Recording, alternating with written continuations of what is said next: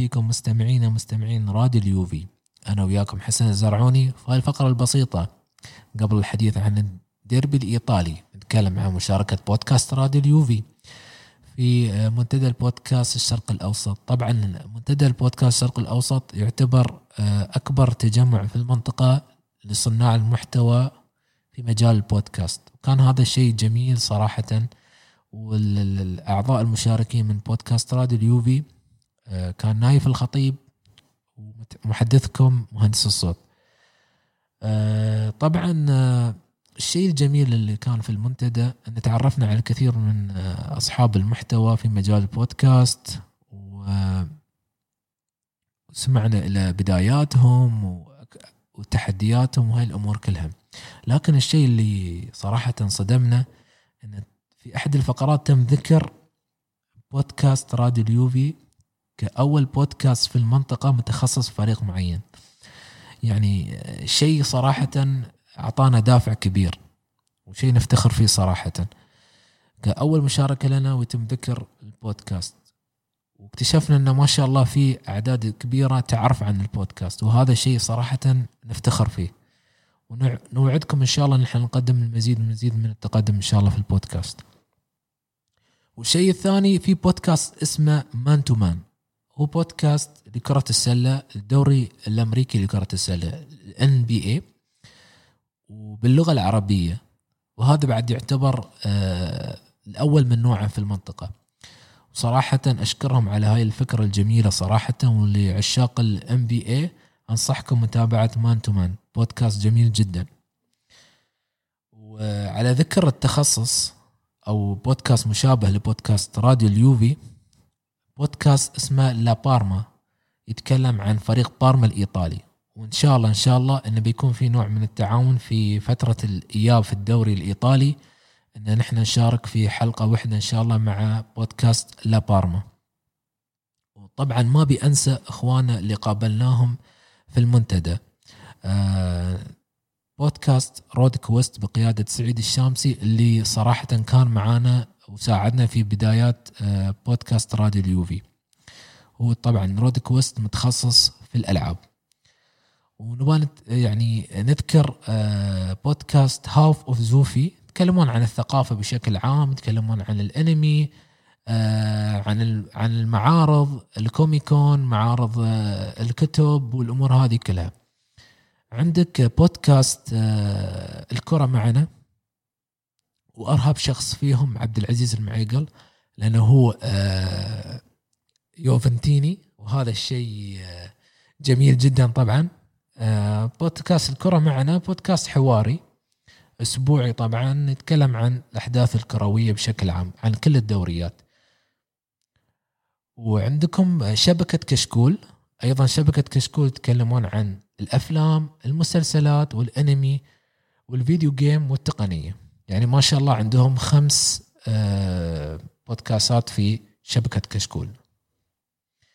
والبودكاست الأخير آه، نحب نشكرهم Anime Therapy Anime Therapy متخصصين في الأنمي والمانجا وال video games.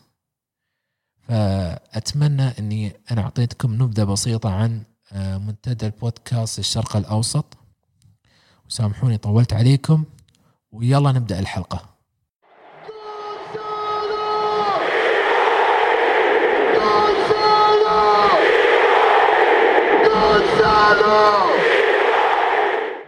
أهلا وسهلا فيكم بحلقة جديدة من من راديو. حلقة اليوم آه، رح نحكي عن موضوع كتير دسم. حلقة اليوم مخصصة فقط ل إنتر يوفي ديربي إيطاليا. أو ما بعرف إذا بعض الناس بيحكوا عنها ديربي إيطاليا أو لا. حلقة اليوم معنا ابو راشد مساء الخير الحمد لله خير الله يسلمكم. إن شاء الله تكون استانست باجازتك شو اللي اجازه ثلاث أيام؟ أخي توقع حاسدني عليها. مش حاجزك عليها بس أنا كنت على فكرة بس, بس أنا كنت مبسوط لحظة شوي لحظة أنا قبل ما أبغى نطول. أنا على فكرة أنا كنت واصل من السفر الساعة 7 وبديت التسجيل الساعة 8 زين انتظروني. لا لا سحبتوا علي. أنتم ما تبوني أدخل ما صدقت يا أخي ما صدقت أنا.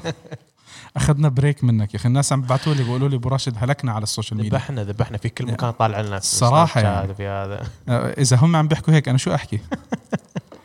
حلقة اليوم معنا ضيف جديد لأول مرة بيطلع معنا. نعرف فيك ولا تعرف بحالك؟ لا عرف فيني آه أيمن بن سليم. حبيبي أيمن. مساء الخير على كل الإخوة المستمعين. طبعا أيمن هاي أول مرة بيطلع معنا بس هو من الناس المخضرمين يوفنتينيا. طلب تحديدا يكون معي بحلقة اليوم بس حبا بالفريق الثاني. طبعا هو مش لأنه بشجع يوفي. طيب خلينا خلينا نبلش آه، من عندك أبو راشد. مباراة؟ ولا أقول لك تعرف لا- لا- لا- لا- في لا- عندنا لا- ضيف؟ إكرام الضيف؟ لا لا يفتى ومالك في المدينة من عند آه، أبو راشد. طيب يلا حول المايك للشاب. شو هذا؟ تبغى عندي أنا؟ آه يلا إيه تفضل. نعم. ليش؟ ما بأنا. مش أنت؟ يعني شو نتكلم؟ شو السالفة؟ مباراة انتر يوفي خلينا نحضر نحكي عن عن مباراة بارما ولا مش عارف. لا لا اولا مباراة انتر يوفي شخصيا أنا كنت أنتظرها. أه والأسباب أنا نزلت post عنها إن الناس تنتظرها والشحن. أه وضع الانتر في هذا في الجدول في في هذا الموسم.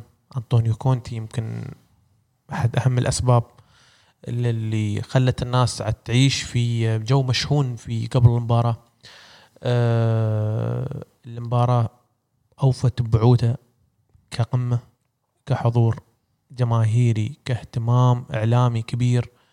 آم، كإثارة كنهاية سعيدة بالنسبة لي في في مباراة اليوم. كانت نهاية سعيدة؟ كانت نهاية يعني أعتقد سيناريو جميل. آه، قلنا يعني ظروف المباراة هي أعطت الاهتمام ال- الكبير. إحنا كنا عارفين مباراة إنتر يوفي مهما كان وضع إنتر في في جدول الترتيب أو وضع يوفنتوس في جدول الترتيب تبقى يبقى ديربي. وعارفين نحن الأسباب. سواء كانت قديمة أو حتى كانت في الفترة اللي يقولها بعد فترة الكالتشوبولي وبعدها. صار يعني كنا قبل أنا شخصيا أنا كنت أشوف مباراة يوفي ميلان كانت هي أقوى قبل مرحلة الكالتشوبولي أنا بالنسبة لي أنا شخصيا كانت يوفي ميلان الله يذكره بالخير عبد الرحيم دائما يقول العصافير البطن كانت بتصوصو قبل في المباراة من ال ال ال فيلم فيلم هذا عبد الرحيم. يا ريت يطلع معنا شي يوم بس. فاليوم يعني بعد ال- الانتر يوفي في هذا الوضع بعد كونتي وال- والتصاريح ومطالبة الجماهير بسحب ال- ال- ال- النجمة في الملعب والتصاريح اللي طلعها كونتي قبل المباراة يعني قسم كونتي إحنا بدنا ندخل عليه بآخر حلقة رح يكون قسم دسم. أيمن بحكم إنه أنت زي كل أصحابك بشجعوا الفريق الآخر. احكي لنا. شعورك عن المباراه شو شفت؟ شو آه، بدنا نحكي شو الأشياء اللي عجبتك؟ شو اللي ما عجبتك؟ والله شوف المباراة صراحة من قبلها كان في شحن في شحن جماهيري شفنا إحنا طبيعي. توتر من إيه. الجمهور يعني بطريقة مش طبيعية. جمهور الفريقين على فكرة و... في كم من واحد على الطرف الآخر. آه آه، بدنا نسكر حساب سناب وما حتسكر آه أيوه نعم. يعني كان في والحمد لله كلهم و- سكروا. كان في أشياء بصراحه بدأت المباراة شفنا المباراة يعني في كل الخطوط لليوفي بصراحة. آه، بدينا نشوف آه، فكر ساري تنفيذه لخططه لاعب من اللاعبين صراحة اللي كان غايب أيام آه، أليجري. طيب الذكر احكي احكي احكي طيب الذكر الله يسعدك. طيب الذكر نعم طيب الذكر أليجري. وحاليا صار بصراحة سوبر بيانيتش. صار سوبر؟ لا نعم. اسمع بدنا نروق شو... بدنا نروق كتير مش شوي. لعب له مباراتين. حلوين بس مش صار سوبر. الله يرضى عليك. الفريق كله الفريق كله يباله انتظار. يعني لا لا أكيد انتظار. أكيد. إيه، شوف أنا. أنا كنت سعيد ببيانيتش. أنا كنت سعيد ببيانيتش. لا بس يعني بيانيتش أنا الكل بيعرف قديش أنا بنتقد بيانيتش. آه. لا بس بيانيتش بصراحة لا أنا حتى كنت أنتقده السنة السنة الماضية كنا كنا ننتقده لكن هالسنة غير. كوادرادو بالظهير غير. آه ديبالا وهيغوايين ال- أخيرا كانت أخيرا سجلوا. هي والإدارة كانت في الصيف طبعا تبغى تطلعهم والحين صراحة أثبتوا. لا لا لا لا لا, لا. آه، أيمن حبيبي أنا بس شوي. إحنا مش مستنين منهم إثبات لا إنهم عندهم التزام للفريق. معلش يعني إحنا إحنا شايفينهم بالفترات اللي لعبوا معنا. التنين ما ما قصروا مع الفريق أيوة سواء أكيد. كأداء أو أكيد حتى انت أكيد. التزام وانتماء بشكل عام. أكيد. يمكن ديبالا يعيب عليه الاستمرارية هذه اللي أنا دائما بحكيها الاستمرارية. كنا نشوفه بلحظات مشتت الذهن شوف هو صار يسوي حركة كنا نتمنى طيب الذكر على قولك يسويها. لو يلعبوا لو يلعب اللاعبين على على قدراتهم كنا شفنا يوفي غير. ساري يلعب اللاعبين على قدراتهم. وهذه أهم شيء وأهم بس ميزة. الفرق الفرق إنه أليجري ما كان بدخن يمكن هذا الفرق. بس هذه والريال يعني برئة واحدة والحمد لله إنه شغال. يعني إحنا في زحام من النعم. إي والله. الحمد لله. طيب آه، ايمن آه، أبو راشد شو بدنا نحكي على المباراة؟ أنا بس بتعرفوا آه، هلأ رح ندخل معنا بعد شوي صديق عزيز مكالمه صوتيه خليه يكون مفاجأة قبل ما نحكي اسمه إحنا. آه، كمل شو بدك تحكي يا طويل؟ كلام آه، بكمل على أخوي أيمن. قال لك يعني في مفاجآت صارت في المباراة يعني من ناحية الأداء. أنا من الناس اللي عارف أنت شو أنا رأيي في في بيانيتش. وكنت من أكثر الناس اللي أنا طالب انه بخروج بيانيتش انه يطلع بيانيتش وإن بيانيتش ما راح يخدم المنظومة. آه، فاجأني أنا شخصيا فاجأني بالمستوى اللي قاعد يقدمه آخر ثلاث أربع مباريات. شفنا شكل بيانيتش المختلف اللي نحن كنا ننتظره. آه، أرجع وأقول تطبيق أسلوب المدرب. تطبيق أسلوب المدرب. راح يختلف سواء كان مع أليجري أو مع آه مع ساري. شفنا بيانيتش بدور اللي يروض ويلعب الكرة القدام يروض ويلعب الكرة القدام يروض ويلعب الكرة القدام شفنا ساري مخت... شفنا بيانيتش مختلف. شفنا ديبالا في مركز ال... ال- ال- المهاجم ال- المهاجم الثاني آه، مع مع كريستيانو رونالدو في خطة الأربعة ثلاثة واحد اثنين. أنا أعتقد أن كانت كلمة السر في هذه آخر ثلاث مباريات هي التحول من الأربعة ثلاثة ثلاثة إلى الأربعة ثلاثة واحد اثنين اللي تغيرت فيها منظومة اللعب. صار ال- الاختراق دائما من العمق الاختراق من العمق الاختراق من العمق. صار موضوع الأطراف حل ثاني مش هو الحل الرئيسي. صرنا في كل مباراة المهاجمين قاعدين يتلقون كور يواجهون الحارس أكثر من أربع خمس كور 100% هو يواجه الحارس. على الم- المهاجم ان يخلص الكرة يترجمها للاهداف وبراشد بدينا نشوف إمكانيات اللعيبة اللي السنة الماضية كنا نقول إنهم منتهيين الفنيين إي نعم. الفنيين كانوا دائما نحن نحن كن- كنا نعم. نتكلم في الموسم الماضي كنا ننتقد الموضوع هذا. إن نحن عندنا لعيبه عناصر تمتلك مهارات فنية مش قاعد مش قاعدة تترجم مهارتهم على أرضية الملعب. اليوم ساري أصلا أسلوبه هذا أسلوب أسلوب اللعب السريع التمرير اللي اللي هو يعتمد على اللعيبه اللي عندهم إمكانيات. فنية والون تاتش اللي عندهم. إمكانيات فنية كبيرة. آه، شفناها على أرضية ال- ال- الملعب. ف يعني شفنا ننتج عنها إن الفريق قاعد يقدم أدوار مختلفة تقريبا بنسبه نسبة كبيرة نحن ما ما راح ما راح نعطي الحكم السريع في الوقت الحالي. طيب خلينا هلأ إحنا بدنا نرحب معنا ضيف على التليفون. آه، أحد اليوفنتينيين ال- العريقين. فراس حبيبي يعطيك العافية. مثل الورد. هلا حبيبي نايف. طمنا عنك. رضاك على النتيجة. رضاك على الفريق. رضاك على ساري. رضاك علي. هذا أهم منهم كلهم. الله يرضى عليك هو ليش ما بعرفش معك في الاستوديو ليش لأني أنا هيك يعني شبك معي الخط مرة واحدة بس تحياتي لك ولمن معك. معي معي أبو راشد ومعي أيمن. تحياتي لهم ويعني قبولاتي الحارة في هذا الأسبوع الحار الرائع الخرافي الجميل.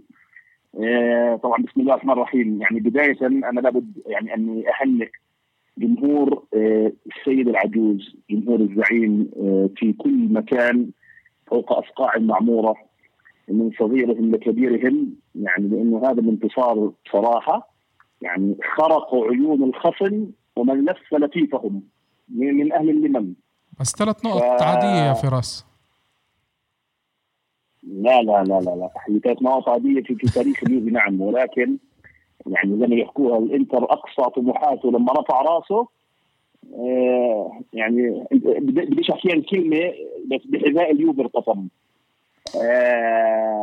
أول شيء يعني الفوز آه يعني البعد تبعه طبعا هو موضوع كونتي الانتر يعني بعمره ما بعرف أصلا موضوع أنا قسمه ديربي إيطاليا لابد من إعادة النظر فيها لأنه هو صراحة الديربي يكون بين يوفنتوس واليوفي يعني أنا هذا الشيء في إيطاليا. أنا متفق آه، معك أنا متفق معك 100% على الموضوع. ما في ما في يعني ما في ما في حتى يعني أي قرب حتى تسمية المسمى الموجود فيه. بنحط عموما أنا بس بدي آه. أنا عشان بس أعطي بدك- بدك تاخذ أول شيء رضاي عن الفريق أنا راضي تمام الرضا. آه، ما دام في فوز تحقق واعتلاء للقمة والعودة إلى المكان المعروف فأنا راضي تمام الرضا عن الفريق. هلا شو أبعاد المباراة؟ إذا بتسمح لي بس أحكيها بثواني وسريعه يعني. أنا رأيي تحليلي الشخصي إن المباراة كان فيها يعني أبعاد ما قبل اللقاء وابعاد ما أثناء اللقاء. ما قبل اللقاء هلا كان في بريشر عالي على الفريق عموما؟ آه، في ضغط إن المباراة مطلب إنها تفوز فيها. آه، أكبر حضور جماهيري آه، أكبر بيع وأكبر بث على سكاي وضغط إعلامي والمباراة الأكبر وكم تلفزيون حيبثها. فصار في يعني هذا هذا الزخم الكبير. هون سقط كونتي هذا الضغط اللي كان على اليوفي انه لازم تسترد الصدارة ومن هالكلام وخصوصا بعد المديح ل للإنتر المتقادم بعد الشوط الأول أمام برشلونة. آه كنت وين فقط؟ بالمؤتمر الصحفي اللي هاجم فيه جمهور اليوفي وحكى عن أندريا أنيلي وتناول موضوع النجمه لنكتشف بعد ذلك إنه لا في نجم حكى عنها.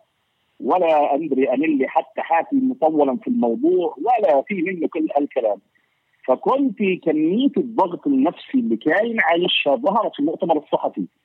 آه، يبدو إنه هذا الضغط كذلك نقل للاعبين وحسسهم ان المباراة شخصية معاه. في المقابل عندك ساري يعني رجل جاي يدرب ما عندوش الضغط تبع موضوع إنه هو بيانكو نيرو ومع كونتي لأنه مش عايش التجربة هاي أصلا. وكذلك الحال بالنسبة للعيبه اللي عندنا خبرة. يعني زي رونالدو وهاي المباريات عنده إياها يعني شو أقول لك؟ يعني كان الزلمة الله أعلم بريز بوتو لبسه على باب الملعب. فبقول لك الأمور يعني كنت بحط فريقه بضغط نفسي وعصبي كبير. وأعتقد هون هاي التصريحات اللي عملها نقلت الضغط على فريقه وفعلا سقط بعنف قبل المباراة. هلأ أثناء المباراة اللي صار آه بصراحة ساري يعني يعني أوجز وأنجز في اللي عمله. آه إدارة المباراة، حسن توظيف اللاعبين، تحديدا بيانيتش. يعني مستحيل هذا بيانيتش اللي كان معنا. فراس ساري يعني ساري ساري ما كان هادي؟ على غير العاده كان إيش؟ كان هادي على غير العادة. يعني نحن كنا خايفين. ما بقول لك.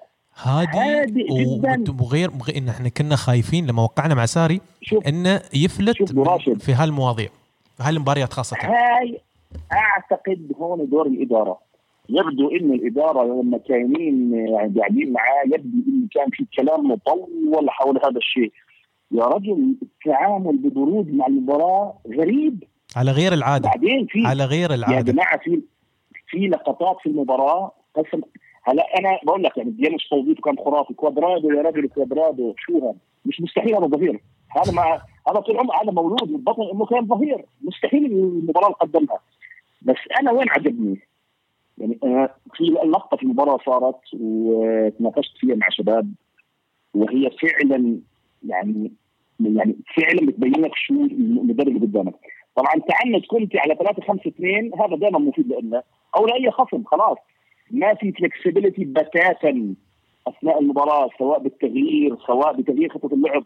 لما صار عنده سنسي أنا توقعت إنه يخرج من عباءة المخ اللي مجمد ابدا. 3 5 2 ساري في لقطة يا جماعة لما اجى يبدل نزل هيجوايين نزل هيجوايين محل برناردسكي يعني صار في عندنا في الملعب ديبالا هيجوايين رونالدو. في ناس انتقدت بتقول لك يعني هذا جنون هجومي. الرجل اللي عمله خلى الضغط العالي إذا بتطلع على المباراة لحظة ما نزل هيجوايين يوفنتوس شكل من 10 لربع ساعة ضغط مهول. إنتر أي يعني مش عارفين يطلعوا الكرة من ملعبهم. واللي بيشوف هاي العشر دقائق حيركز فيها هاي العشر دقائق اتخذها ساري أسلوب ضغط بيقول لك هاي فرصتنا نجيب هدف. ضغط ضغط ضغط كان قدامه خيار. يا يجيب هدف يا ما يجيب هدف. لما ما جاب الهدف لاحظ اجت اللحظة بعد 10 دقائق أو ربع ساعة بدا الإنتر يطلع. إذا الإنتر طلع من مكانه أنت أمام الرتم الهجومي هذا أنت حتخسر أو حتلقى هدف. مباشرة لما عرف إنه الفريق هذا ال pressure العالي اللي عمله 10 ربع ساعة يعني هذا ال max مباشرة طلع ديبالا ونزل امري تشان. بعد ما اجهد بعد ما أجهد ديبالا. يا عيني عليك. ما وجع ديبالا ليش؟ لأنه الضغط العالي تشكل على الفريق. يعني رجاء كل واحد يحضر التبديل هذا بعدين شو صار 10 دقائق ضغط مخيف.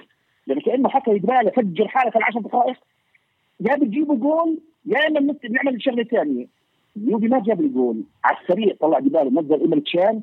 زادوا الضغط على الإنتر وعمل أريحية لخط الوسط وكانت الضربه القاسمة بالقاتلة. صراحة يا أخوان مباراة فيها فيها دراسات آه، أخوي فراس آه، أغلب. الناس آه، أغلب الناس كانوا يقولوا إنه ساري غلط وأنا قاعد أقول لهم إنه ما غلط. بالعكس هو مسوي. خطة مدروسة خطة مدروسة. شوف إيه؟ شوف كابتن اللي حيحكي غلط آه هو من يعيش نحكي بصراحة. ما زال عنده أعباء آه المدربين السابقين. أنا بحترم أليجري وبحبه وكل شيء آه عفوا عفوا فراس نفصل. عنك الخط. كيف تحكي عن أليجري يا أخي؟ لا لا بالعكس. أنا أنا يعني بمزح أليجري بالعكس. هو- ولكن يعني وقال لنا لازم تقولوا. طيب الذكر. يعني الحين الحين بدك تقول أليجري لازم تقول طيب الذكر. خلاص استشهد طيب. الذكر أكيد. هلا إحنا إحنا إحنا شو نقدر نحكي فيها؟ طب نبعد نبعد عن اليجري. هاي العقلية اللي حكت يا كابتن وقالت لك لا غلط هذا التبديل نعم هي العقلية اللي إحنا جمهورنا مترسبه فيه بتقاليد الكرة الإيطالية والتحفظ الدفاعي إنه لا يا أخي هاي المغامره إحنا فعلا المغامرة الهجوميه مش متعودين عليها. إحنا نشوف هيجوايين وديبالا ورونالدو آه، قدام الإنتر في مباراة زي هاي. بصراحة حلم ما إحنا مو متعودين على هذا الشيء. مو حلم متعودين على شيء فه... فهذا لا وجمهورنا لازم يستعد لهذا الأمر. يعني لازم دائما يتقبل هاي أنا بعيدها وبحكيها. كرة القدم لعبة بسيطة ويعني سمبلسيتي فيها عالية. بس. الطليان يا بعقدوها يا أخي سجل تلقى ثلاث أهداف. دائما بحكيها. تلقى ثلاث أهداف. ودخل سجل أربعة. أربعة. مثل مباراة نابولي. مثل مباراة نابولي. 100% أنت في الأخير بطل. طبعا لأنك أنت فريق إيطالي يا أخي بتراعي الاحصائيات اللي عم تتناولها الصحف. تتناول عمالها إنه إيه اليوفي متلقي هالقد أهداف. الجماعة مركزين كم تلقيت هدف. يا أخي أنا في الصدارة. أنا إن شاء الله متلقي 100 هدف. أنت أنت لاعب نعم، تسع مباريات رسمية. آه، فراس أنت لاعب تسع مباريات رسمية فايز في سبع ومتعادل في ثنتين أنت ما ما خسرت ولا مباراة. وأنت في بين من بين متصدر, وفي إيطاليا. وأنت واجهت في التسع مباريات صدق أو لا تصدق واجهت أتلتيكو. ونابولي في ونابولي وواجهت انتر ميلان. أعتقد أنت لعبت ثلاث مواجهات اختبارات حقيقية ثقيلة ونجحت فيها. وفيورنتينا لعلمك وفيورنتينا وفيورنتينا في ملعب مباراة فيورنتينا. صعبة. نعم كانت صعبة. إي والله صعبة. نعم و- وتقريبا أنت آه، سويت 80% أو 85% يعني كانت آه، ناجحة. يعني أنت ما أنت ما خسرت شيء. يعني أنت اللي خسرت بالضبط خسرت 100%. أنت خسرت أربع نقاط. من 27 نقطة مفروضة يعني كانت 100%. يمكن تخيل يعني. لا في, في لسه شيء اللي إحنا حكينا ما قبل المباراة وأثناء المباراة الجمال اللي شفناه وفي جمال أخير كان بعد المباراة. لما يطلع ساري يحكي لك هذا يعني إحنا لسه ما مش هذا الشكل اللي بدنا إياه. إحنا مش هذا المنظومة اللي بدنا إياها كاملة. إحنا بجد أنجزنا يعني شفنا يعني نقول ضغطنا 60 دقيقة أو 70 دقيقة. لا لا إحنا بدنا نوصل ل 90 دقيقة. الرجال إذا إذا صدق فيما يقول فإحنا مقبلين على يوفنتوس مرعب. كل هذا أنا بحكيه ولا ننسى انه يوفنتوس واجه إنتر ميلان بدون كوستا. كوستا لو كان موجود يعني البعبع الأكبر يعني البعبع المخيف لأنه ساري أصلا باني عليه امال كبيرة. فبما شفناه وبما رأيناه بصراحة يوفنتوس قدم مباراة معتبرة. أكيد إحنا مش موضوعنا مباراه انتر بالسان زيرو لا. السان زيرو بعيدها زيرو حبيتك. حبيتك. آه. حديقة اليوفي ف- حديقة اليوفي. اي حديقة اليوفي. والله هو جماعتنا لو يشتروه والله العظيم. أنا قلت لك قبل هالمره موجي بال ورقه محمد كاس الاتحاد الأوروبي آه، نهائي 95 مع بارما. كان الذهاب إياب نهائي كأس الاتحاد الأوروبي. اي نعم. فعشان يعني زي ما يدرس أهالي تورينو طلب إنه يقام لقاء كيف هلا اتلانتا اخذ السانسيرو إيه. في آه، في ال Champions League. فطلب إنه يلعب النهائي بأرض يوفنتوس يكون ملعب السانسيرو من أعلى أعلى مشاهدات حضور جماهيري في تاريخ السانسيرو أظن من ال top 3 أو ال top 5 في تاريخ السانسيرو كان لما يوفنتوس أخذ الملعب آه، خلاه ميدانه والأمر تكرر موجي عادها موجي عادها مع لقاء باريس سان جيرمان بالسوبر الأوروبي 97 أخذ ملعب بأرض آه، باليرمو ل- آه، في اليوفي. امتلأ مش عن بكرة أبيه الجمهور يعني فوق بعض. برضه record في في الملعب. فبقول لك آه، إحنا لو نفكر في هذا الموضوع ودائما أنا بحكي يوفنتوس بيلعب في العاصمه روما أو في ميلانو مستحيل يكون ملعبه أقل من 80000 مستحيل. هذا كلام أنا مسؤول عنه. آه طيب فراس حابب تضيف حابب تضيف شيء على قبل ما نختم معك؟ والله حابب أقول لكم مبروك ويعني كانت ليلة و- وهي هي بقول لك مش موضوعنا إنتر موضوعنا كونتي. يا رجل آه، من يهن يسهل الهوان عليه. بس هاي بحكيها وأعتقد يعني فراس قول, هو قول إن شاء الله فراس أنا وياك بنحضر مباراة آه انت آه يوفي إنتر مع بعض بكون كونتي قدامنا.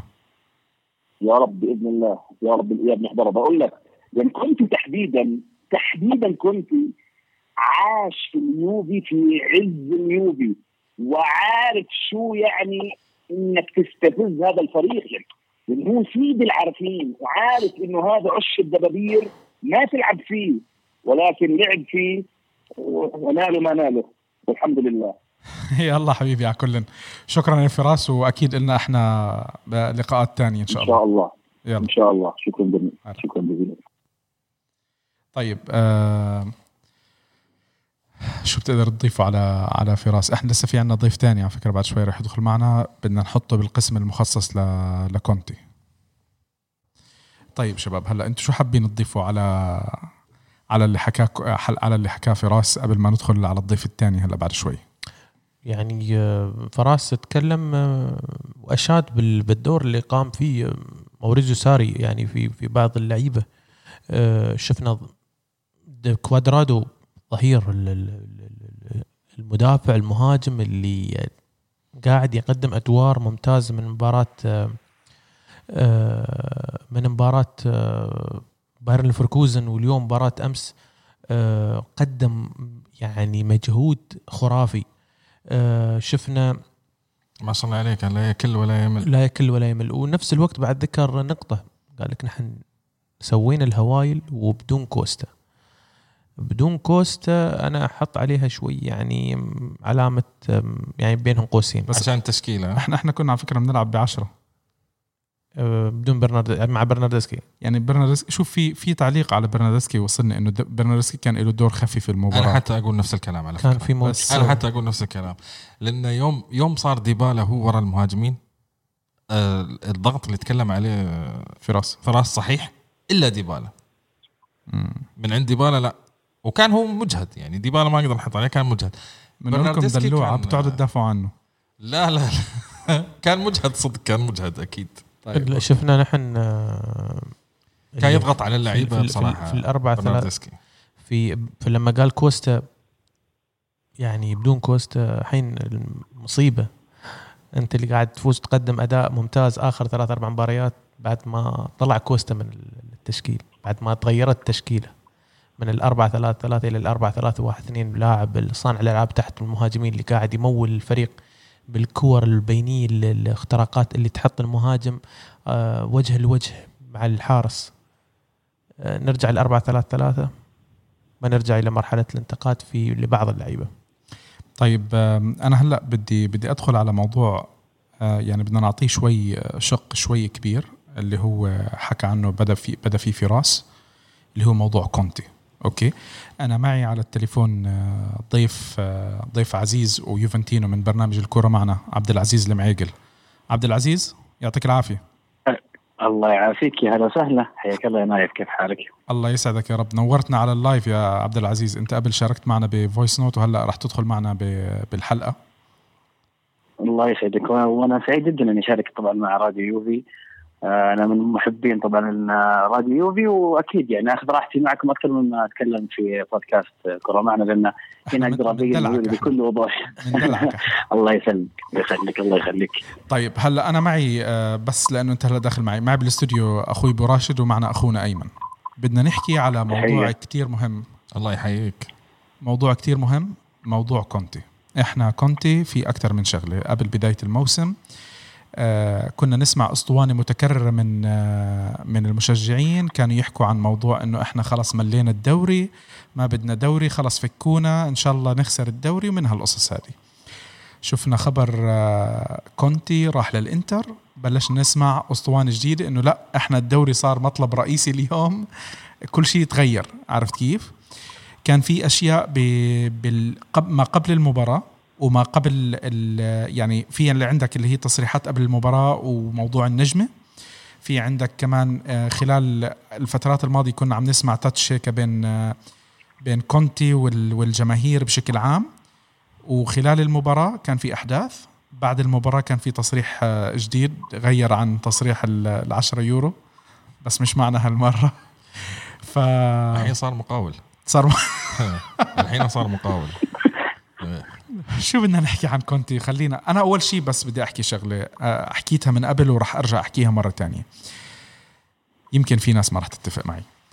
آه، أنا بتمنى إنه موضوع النجمة نطلع منه. مش كل شوي إحنا يصير شيء موضوع لا لازم نشيل نجمة كونتي ونرجعها. لأنه برأيي ببساطة كونتي استحق النجمة كلاعب وأسطورة كلاعب مش كمدرب. فعلى هالأساس أنا برفض رفض تام موضوع إنه إحنا نشيل اسم كونتي. أنا يمكن مزحت آه، فيه مرة أو مرتين بس آه، أنا بشوف إنه عيب إحنا نتكلم فيه.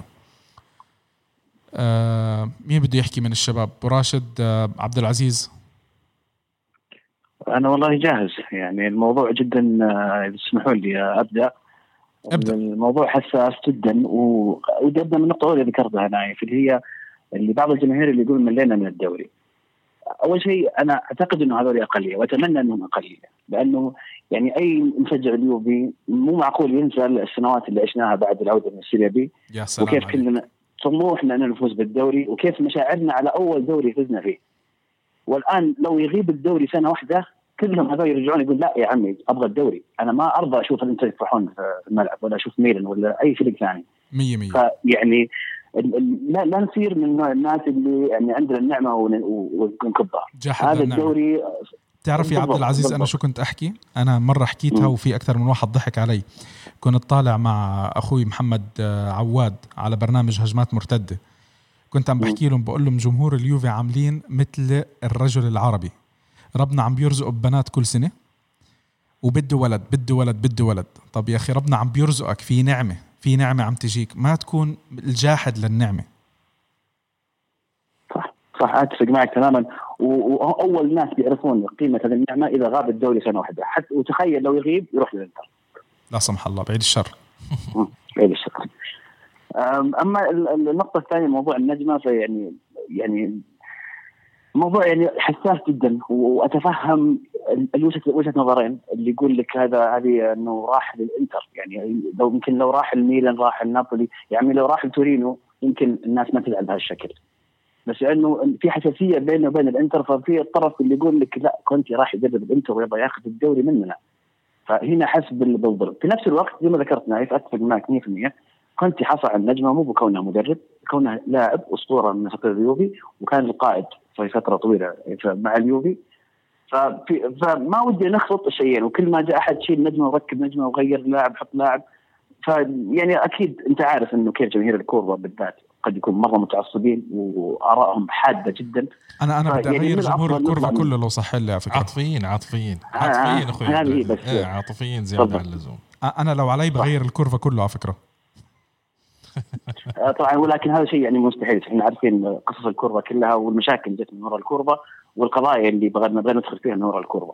ولكن في, في الأخير هذول موجودين وهذول الواقع نتعامل معه اليوم.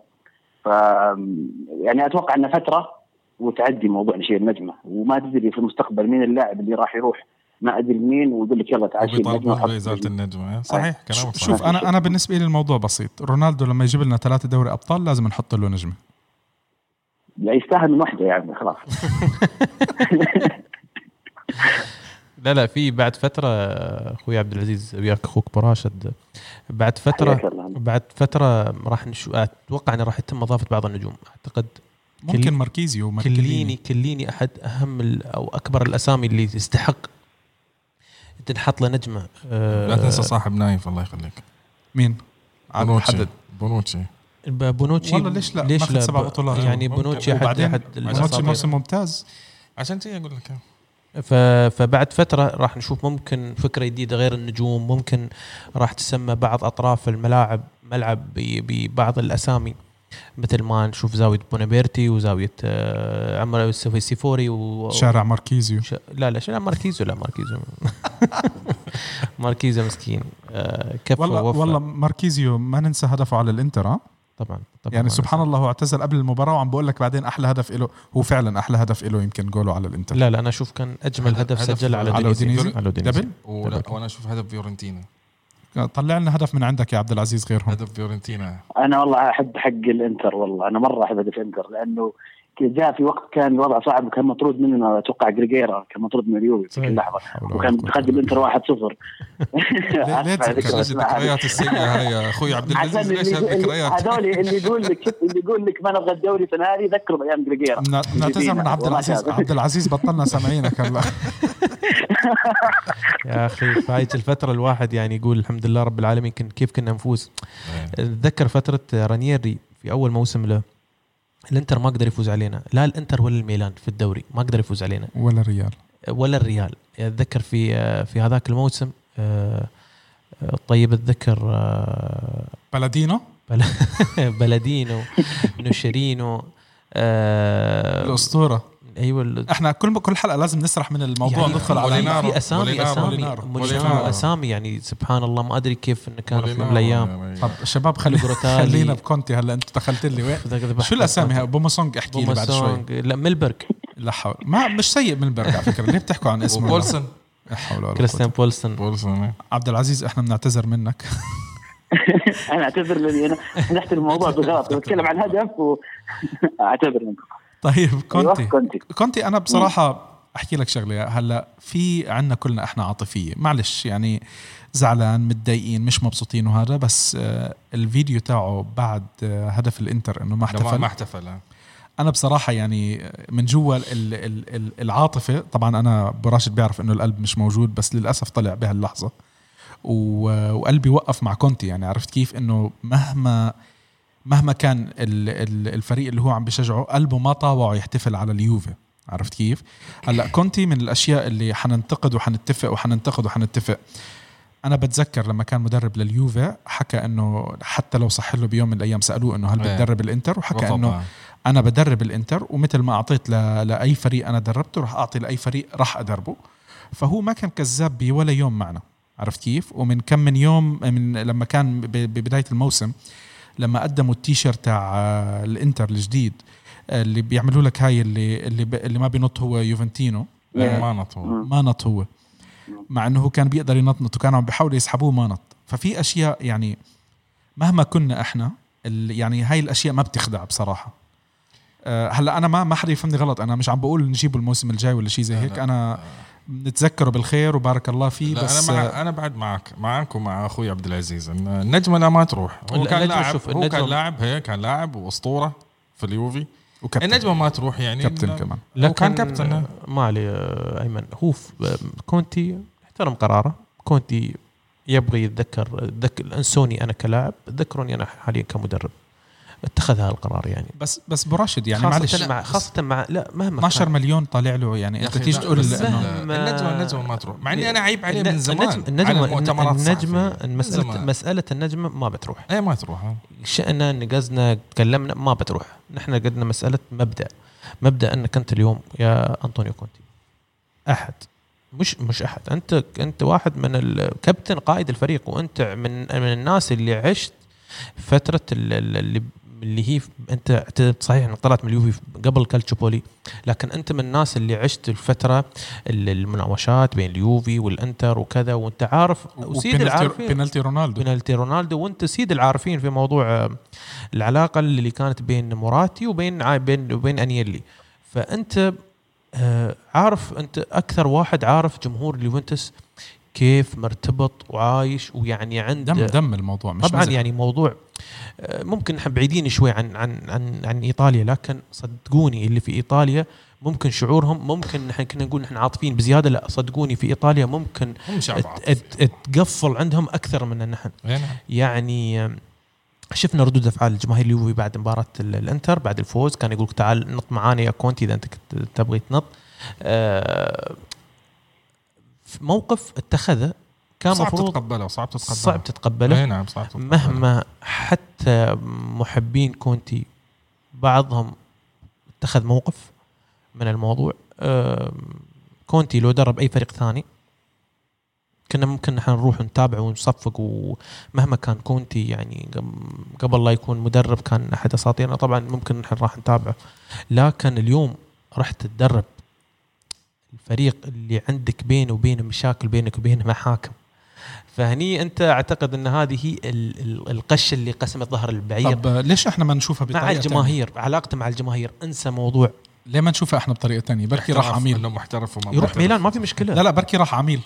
لا لا لا, لا, لا ما يروح عميل. لا تصريحاته وضعه الصحافة سربت آه، سمعوا انه قاعد يصرخ على الجماهير قال كان مستعد واذبحوا نفس إن ما نبغى نخسر من اليوفي هذا لا بس أخوي أبو راشد هو بصراحة كونتي من أيام اليوف من زمان. ها عنده مشكلة في المؤتمرات الصحفية. أبو 10 يورو واليوم إيه. ناطي حاط السحاب. وغير كذا إذا لاعب سوى شيء عادي يفضحها في المؤتمر عادي جدا. عبد ما العزيز يحمي هو عبد ما العزيز شو عندك. بدك تحكي عن كونتي؟ شو بدك تضيف عن كونتي؟ يعني أنا أقدر أتفق معكم تماما في موضوع أن ال- ال- القاسية أنك تشوف أنطونيو كونتي بعد مو بس كونه كلاعب تابعته كلاعب وكقائد وبعدين جاء انتشر اليوفي من الوضع اللي كنا فيه وجاب لنا ثلاثة دوري أولهم بدون خسارة والثاني بالنقاط آه، رقم قياسي من عدد النقاط و يعني نقل اليوفي نقلة كبيرة جدا. يعني حتى اللي ما كان يتابع كلاعب الجيل الجديد تعلق في كونتي من ناحية انك كونه كمدرب. بعدين تروح تروح وتدرب الإنتر فهي شوي ثقيله علينا. من ناحية إنه أصلا خاص يعني يقنعك الموضوع إن زمن الوفاء ما عاد هو موجود، يعني أنا أتذكر ندفد لما كان قرر يعتزل وكلم مورينيو قال تعال العب في الإنتر، ندفد كان ممكن يروح يلعب في الإنتر بس ليش ما راح؟ أنا أعتقد إنه فعلا زمن الوفاء راح واليوم إحنا لا لا زمن إحنا إحنا. بزمن مختلف بس ندفد ليش ما. راح الإنتر أنا بقول لك اتصل فيه وأنا قلت له لا آه،. شكرا شكرا ليش كنت اتصل فيك بعد؟ كنت أنا وياه متخانقين مع بعض كنا شوف هذا موقف يحسب يحسب أخوي أنا. وأنت آخر موسم كنا أنا ونايف كنا رافضين كونتي آخر موسم لكونتي كنا نتمنى يطلع مزبوط آه. لا شوف أخوي عبد العزيز يعني موقف ندفد آه، هو هو هو هو صنع لنفسه يعني وصنع موقف آه، يحسب يذكرون الجماهير آه، اعتزال رفض أن يمثل الإنتر وحب أن ينهي مسيرته مع يوفنتوس سواء كانت مسيرته كانت ب- صحيح صحيح أنا. كنت أخذ طريق الاحتراف وقال لا هذا راتب عالي وجيد يعني أنا أفهم وجهة نظره هو لكن في نفس الوقت لازم يتفهم كونتي غضب الجماهير منه وزعله عاد في ناس extreme بزيادة قرروا يبغون يسوون نجمه وفي ناس مثلا من موقفي أنا زعلان عليه ويعني مضايقني موضوع إنه أختار يروح الإنتر لكن يعني ما ما أقدر أتكلم في موضوع النجمة لأنه زي ما ذكر أخوي نايف الموضوع موضوع كلاعب كأسطورة اليوفي كلاعب. طيب هلا آه يعني التصريح الأخير اللي حكاه بعد المباراة إنه بتحس الاستسلام التام كان بعد المباراة إنه آه إحنا في فرق كتير كبير بيننا وبين يوفي وحتى إحنا ورا نابولي ونابولي يعني. يعني آه مم. يعني أعتقد ما بعرف هل هو فيها استسلام ولا لأ بس آه أنا شفت انتقادات من جمهور.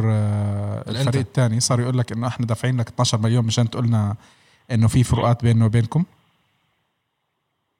هو تقريبا نفس شبيهة تصاريحه السابقه أيام اليوفي لما كان يخسر اليوفي في ال Champions League.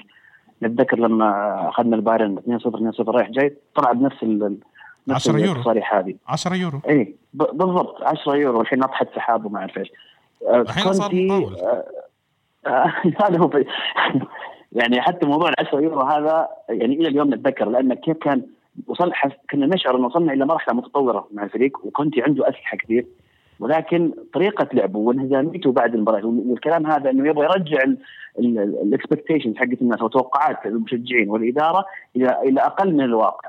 إنه ترى أنتم لا تحسبون إن إحنا بدينا الموسم بهذه الطريقة على سبيل المثال إنتر بدأ الموسم الآن ست مباريات آه، انتصار أفضل بداية لهم من عام 1930 آه، وأقل أهداف استقبلها ولا خسارة في السان سيرو ومدري إيش؟ والكلام هذا كله بعدين فجأة خسر من اليوفي. وكانوا العالم اليوفي جاينا في السان سيرو يعني إحنا خلاص الحين هذه فرصتنا اننا نثبت إن إحنا فعلا راح راح نكسر العرش حق اليوفي السنة هذه. آه آه الكلام ليه؟ على من جمهور الإنتر أنا كنت أسمع وأضحك قديش ال- ال- الثقة المفرطة أنا أتوقع- بموضوع أنا أتوقع الفوز. مباراة برشلونة هي اللي سببت لهم الثقة الزايدة هاي. حتى كونتي نفسه. حتى. كونتي نفسه كان داخل المباراة بثقة إنه بيفوز بيفوز على اليوفي. طيب موضوع مب- مباراة مبروك برشلونة الثلاث شوية- نقاط. مبروك الثلاث نقاط هذا المهم. ما هي؟ والله طيب الثلاث نقاط رائعة لانها فعلا جت في ظروف إن هم متحمسين كان الانتر متحمس ويشعر مو بس الانتر أغلب المحايدين اللي من برا. كانوا شافوا الإنتر بدا بدأ الموسم بشكل نعم، قوي نعم،. ي- يبغون من اليوفي إنه خلاص السنة هذه ما تكون سنة اليوفي مرة ثانية فالجميع كان ضد اليوفي الجميع كان مع الإنتر مش هيك عبد العزيز. بس هاي هاي أسطوانة متكررة من من أربع مواسم على الأقل إذا مش خمسة كلنا نسمع مجرد ما يبلش الموسم who is the anti anti يوفي عرفت كيف؟ صح. مين الفريق اللي راح يكسر هيمنة اليوفي هذه أسطوانة متكررة أنا ما أعتقد بعد الموسم الثالث اللي هو كان أول موسم لاليجري صرنا إحنا كل موسم عم نسمع إنه هذا الفريق هو اللي راح يكسر اليو مش إنه يعني لا لا بأسلوب شوي هيك بشدوا حالهم وبكتبوا الأنتي يوفي أنتي يوفي وهينا كل سنة إحنا طبعا آه، لسه كتير بكير يعني إحنا إلا هي مباراة طبعاً، وثلاث. نقط و... والعبرة في النهاية. والفرق نقطة حاليا. آه العبرة في النهاية يعني إنه مش أنا بتمنى إنه ما الفريق تاعنا ينخدع في هالمباراة و... ونروح نجيب العيد المباراة الجاي يعني. وحالاتها السنة هذه إنها الانتي يوفي السنة هذه هو الإنتر يمثلهم فالفوز عليهم له طعم خاص. أكيد أكيد. آه هو يعني إحنا ما راح نشبع من الفوز عليهم وإحنا آخر كم من موسم للأسف آه خسرنا منهم يمكن مباراة أو تنتين. 107 الحين إحنا 107 ما هاي هذا الأخبار 107 المهمه أكثر فريق فايزين عليه الحمد لله رب 107. العالمين. براشد شو في عندك كلام؟ حسك آه يعني ما نقدر نزيد نعيد ونزيد يعني هي في النهاية كانت مباراة من ثلاث نقاط يعني. ما نبى ناخذ تاخذنا ال- ال- الحماسه بزيادة. نحن سعيدين بظهور الفريق بالشكل ال- الإيجابي بكرة ساري اللي, اللي, نحن كنا نطالب فيها. شفناها بشكل بنسبة كبيرة كانت في مباراة آه، انتر. يعني في النهاية حصيري كنا لكم ثلاث نقاط. صدارة وما زال ال- ال- المشوار طويل. طيب إيش أكثر شيء لفت لفت نظركم بالمباراة؟ شغلة هيك مثلا كانت مفاجأة بالنسبة لكم. هدف هيغوايين شاركوا فيه جميع اللعيبة ما عدا تشيزني. نبيع تشيزني؟ ما عدا تشيزني. شتنسني اسمه الله يرضى عليك. المهم.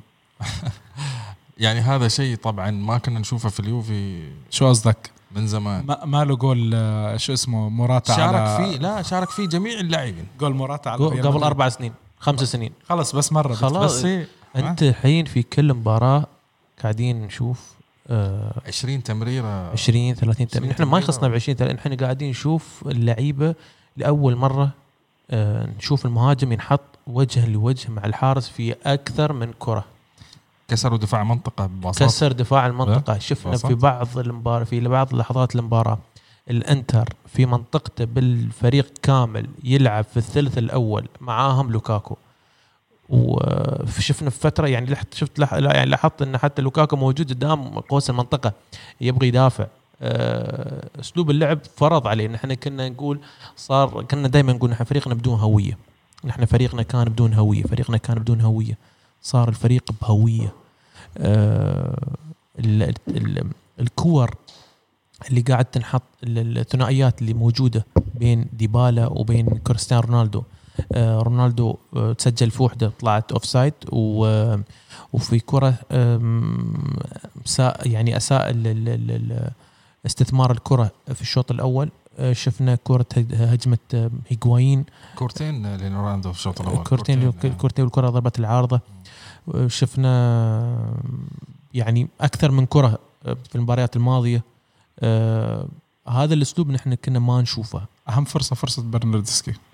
يعني برناردسكي عبد العزيز بده يطلع لي من التليفون للأسف برناردسكي كان له دور آه، نعم ممكن هو أقل لعيبة لمسا للكرة أقل لعيبة تمريرات صحيحة أقل لعيبة مداخلة أقل بس هو كان قاعد يركب الاستلام عنده مشكلة في الاستلام هو عنده. الاستلام على قولة أخوي هراند. الاستلام المروض دائما يستلم ويتأخر في اتخاذ القرار فهني لما يتأخر آه أنت كذي طلعت من منظومة لعب ساري. أنا كنت متوقع والله يعني رمزي اللي يكون أساسي في المباراة. أنا رمزي توقعت إنه هو اللي ممكن يلعب هذا الدور ما هو ما هو اصابه. خفيفة. وكان هو اللي بيلعب بس انصاب. إصابة خفيفة. خاف عليه ساري وهي أعتقد إنه شغله ممتازه يعني ما ما في مشكلة خلص خليه مرتاح وما في داعي لإصابات. مشان الله إحنا بدنا نكمل الموسم بدون إصابات. إي والله. تعبنا تعبنا من الإصابات. أنا أنا عشوي حنصاب يعني من الأخبار. كثرتها أنا بالنسبة لي والله اللي, اللي فاجأني في هذه المباراة كان إنه بداية آه، ديبالا على ال- جميع الصحافة كانت متوقعة إنه هيغوايين راح يكون أساسي. فشجاعة ساري أو قرار ساري أكيد معتمد على شيء شافه في التدريبات آه، شيء تكتيكي أسلوب لعب معين يحتاجه. الإضافة حقت ساري والشيء أكثر شيء لفت نظري في هذه المباراة هو اللي بديت أشوف فعلا ساري ball كرة ساري اللي كنا نسمع عنها دائما ونشوفها مع نابولي وشفنا شوي منها مع تشيلسي. بس لسه بكير عليها يا عبد العزيز. لسه في. ملامحها ملامحها موجودة أخوي عبد العزيز صح كلامه. ملامحها موجودة. ملامحها وتشوف- طريقة تشوفها مو. تشوفها تشوفها على مين؟ تشوفها على على بيانيتش. بيانيتش مختلف تماما عن الموسم الماضي. تشوفها على آه، ديبالا. آه، ممكن هيغوين مختلف. ممكن هيغوين آه، لاعب يجيب ساري وعرف يطلع منه ال- ال- الأسلوب ال- ال- اللي تعودنا من هيغوين السابق. كوادرادو شوف شفنا على- كوادرادو اليكس كوادرادو الكساندرو يعني في في لعيبة الموسم الماضي كنا نتساءل هذول صار فيهم؟ حتى حتى؟ رونالدو حتى رونالدو الفرص اللي تجيله حاليا في المباريات أكثر بكثير من الموسم الماضي بكثير أكثر مع العلم إنه. كان ممسوك في. المباراة آه. إيه لكن الفرص اللي تجي مم. كثيرة في كل مباراة ما دام أنت استغنيت عن الأسلوب العقيم فرص الأسلوب العقيم اللي أنا أسميه أسلوب الأطراف. صارت مع ال- مع التغيير أنا ما ادري أخوي عبد العزيز إذا سمعته أنا كنت أقول آه، الفريق الحين في آخر ثلاث مباريات قاعد يظهر بصورة ممتازة متى؟ بعد ما تغيرت الخطة للأربعة ثلاثة واحد اثنين. بعد ما كان صار في ملاعب لاعب صانع الألعاب لتحت المهاجمين. دام أن الفريق نحن قاعدين نلعب الون تاتش والمثلثات ضروري تتجه إلى هذه الخطة. أنت اليوم بالأربعة ثلاثة ثلاثة أنت ما عندك اللعيبة اللي يطبقون الخطة بشكل 100% نحن في الأربعة ثلاثة ثلاثة صارت في بعض الانتقادات على بعض اللعيبة. شفنا انتقدنا ديبالا شفنا انتقدنا برناردسكي انتقدنا آه، هيغوايين انتقدنا حتى كريستيانو رونالدو. لأن على أرضية الملعب شفنا التطبيق مش المطلوب.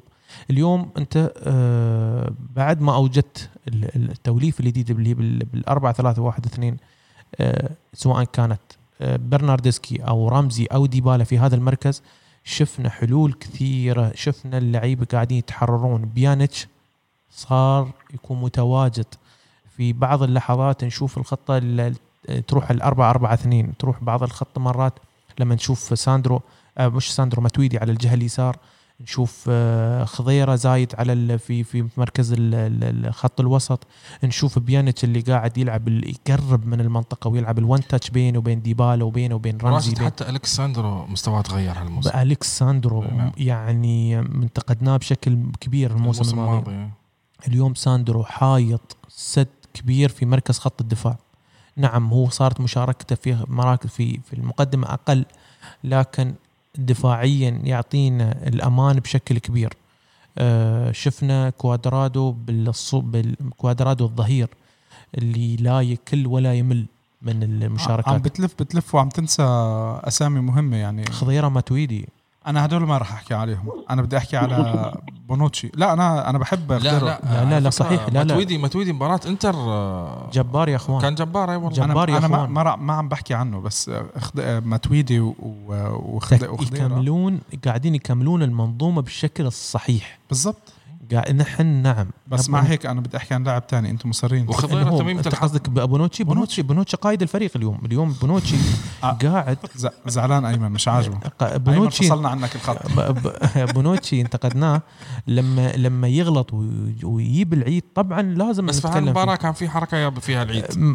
مش الحال الثقة في موج بعض اللحظات حتى- عند الثقة الزايدة عنده. حتى ديليخت شوي غلط غلطة بس إيه. إنه بالآخر غلط لا غلط.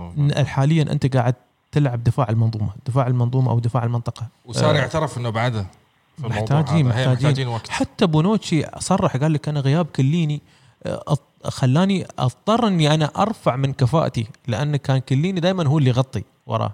فقال لك أنا غياب كليني أثر فاضطريت إني أكون لازم أحاول إني أرفع من مستواي على أساس إني أقدر أعوض غياب كليني. ودي لخت لين الحين ما يتكلم الإيطالية وهذه مشكلة. راح يتكلم. بياكل إيطالي. آه، طبعا. راح يتكلم وراح هذا. نحن اليوم شوف قاعدين نتكلم. سبحان الله يعني أخوي عبد العزيز تتذكر الموسم الماضي كنا ننتقد خط الوسط. بيانتش خضيرة متويدي بيانتش خضيرة متويدي واللعب الممل. اللعب. شو اللي تغير؟ المدرب. شو اللي تغير؟ كنا ننتقد نقول هذا الوسط ما راح ما راح يضيف شيء. لوني بجوارديولا ما راح يضيف شيء، شو اللي تغير اليوم؟ اليوم شفنا طيب الذكر راح. آه، طيب الذكر أسلوبه آه بنوصل وطريقة- هون لنهاية الحلقة طيب الذكر أسلوبه وطريقة لعبه كانت هي المهم إنك ما تخسر الكرة نعم. وسكر المساحات حاول إنك. تغطي المساحات بأي طريقة وإنك أنت تسجل بأي طريقة بس المهم إنك أنت ما تستقبل أهداف هذه كانت هي آه، أسلوب. اللي اللي حققت لنا الكثير من البطولات المنطقة دفاع المنطقة وحقق حققت الكثير من ال- البطولات آه، بغض النظر عن ضعف ال- الفرق اللي كانت تقابلك على العموم بحب أحكي لكم أنا إنه الميستر قصدي جمهور مانشستر يونايتد بانتظار الميستر وصفحة جديدة. والله قبل ما نطلع قبل ما نطلع تسجيل قلت لهم المستر المفروض يروح هناك. طيب إحنا هلأ آه، عم نحكي عن اليوفي الله يرضى عليك. عزوز آه شو بتحب تضيف على المباراة من عندك قبل ما نختم؟ نجم؟ المباراة نجم المباراة منو عندك عبد العزيز اليوم؟ غيري أنا مين نجم المباراة؟ نجم المباراة تسمحوا لي أقول ساري ولا لازم في الملعب؟ لا اللي لا لا بدك إياه اللي بدك إياه. أنا أنا بالنسبة لي ساري لأن فعلا المباراة هذه ورتني شجاعة ساري. يعني بدون ما نغلط على المستر بشكل أكثر المستر السابق طبعا. آه،. أتوقع لو لو كان لو كان مدرب آخر كان يمكن انتهى المباراة واحد واحد. اللي شفته من ساري الاصرار على الفوز وإضافة هيجوايين. ولما حس ان الفريق اختل توازنه في تسع دقائق من وجود هيجوايين رجع نزل أمري كان وهدفه ما زال إنه يجيب الهدف الثاني. الاصرار هذا والهدفين شفناهم اليوم لو تلاحظون ترى مختلفين تماما عن بعض. بيانيتش الهدف الأول آه، كرة مباشرة لديبالا الهدف الثاني 24 لمسة. فالفكر اللي جايبه ساري بديت أشوف لمسات من تو- لمسات منه توظيف عبد العزيز أكثر شيء ما- ما في كلامك. توظيف بنتنكور لاعب كلاعب صانع العاب في هذه المباراة في آخر عشر دقائق. لعب مركز ديبالا بنتنكور. مفاجأة. صحيح. فاجئنا يعني الكل والله صار والله كان كان يفاجئكم سا- وأسست- والله ما كان يفاجئنا كان يسحب كان- مهاجم ويدخل برزالي. كان يسحب مهاجم ويدخل مش برزالي. مفاجأة؟ كان لا هاي يعني على فكرة مش مفاجأة يا ليتها كانت مفاجأة كلنا عارفين التغيير. يعني يعني الحين آه، عد- عندنا واحد من الإخوان فاج- كان يقول قال آه، لأول مرة صرنا ما نعرف اللي فاجئنا ساري بتغييراته.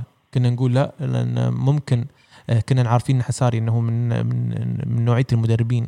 اللي عنده يلعب 13 14 لاعب طول الموسم اليوم مع اليوفي. لأنه عنده تشكيلة أحسن اليوم. لا تغيرت. بس أعتقد بس أنا في شغله في شغلة بدي أمدحها بساري أنا شغلة بصراحة الكل الكل بيتذكر إنه أنا كنت أنتقدها.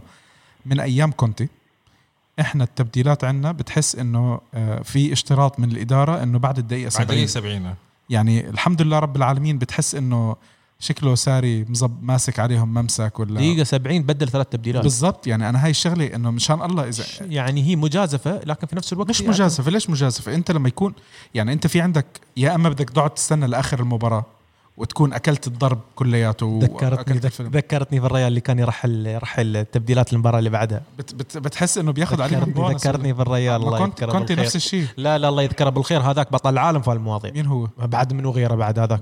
طيب الذكر. طيب الذكر. طيب الذكر. اللي كان ير... اللي كان يرحل انت تعرف أنت تعرف إنه في مباراتنا مع أتلتيكو مدريد. في الموسم اللي وصلنا فيه النهائي برلين برلين. ولا تبديل. ولا تبديل مباراة كاملة 90 دقيقة. طيب إذا مش محتاج ولا؟ ليش شو محتاج محتاج الفوز؟ بيطلع الأول. و- والله بدنا حدا يشيك لنا إحنا عم بياخذوا كانوا عليها بونص ولا لا؟ والله مو طبيعي والله العظيم 90 دقيقة. انتهت المباراة بدون ولا تبديل. لا لا أنا بقول لك أنا هاي موضوع كان ينرفزني إنه نقعد نستنى للدقيقة 70 أنا بتذكر آه، سيء الذكر كابيلو. ما بحبه لكابيلو أنا. آه، كابيلو في مباراة من المباريات بالتشامبيونز ليج وحتى مباراتين ورا بعض. يدخل كامورانيزي احتياط ويرجع يسحبه بنفس المباراة يحس إنه كامورانيزي out of form طلعه مرتين مرتين هيك يعني إنه خمس دقائق ربع ساعة يكون منزله يرجع يسحبه متضايق من مركي كابيلو سبحان الله كان أوكي قبل لا في جنون- يعني في جنون- في جنون- جنون إيه، العظمة، إيه، جنون ما- العظمة. ما تعرف شو صار فيه يعني. إيطالي. ايطالي typical إيطالي.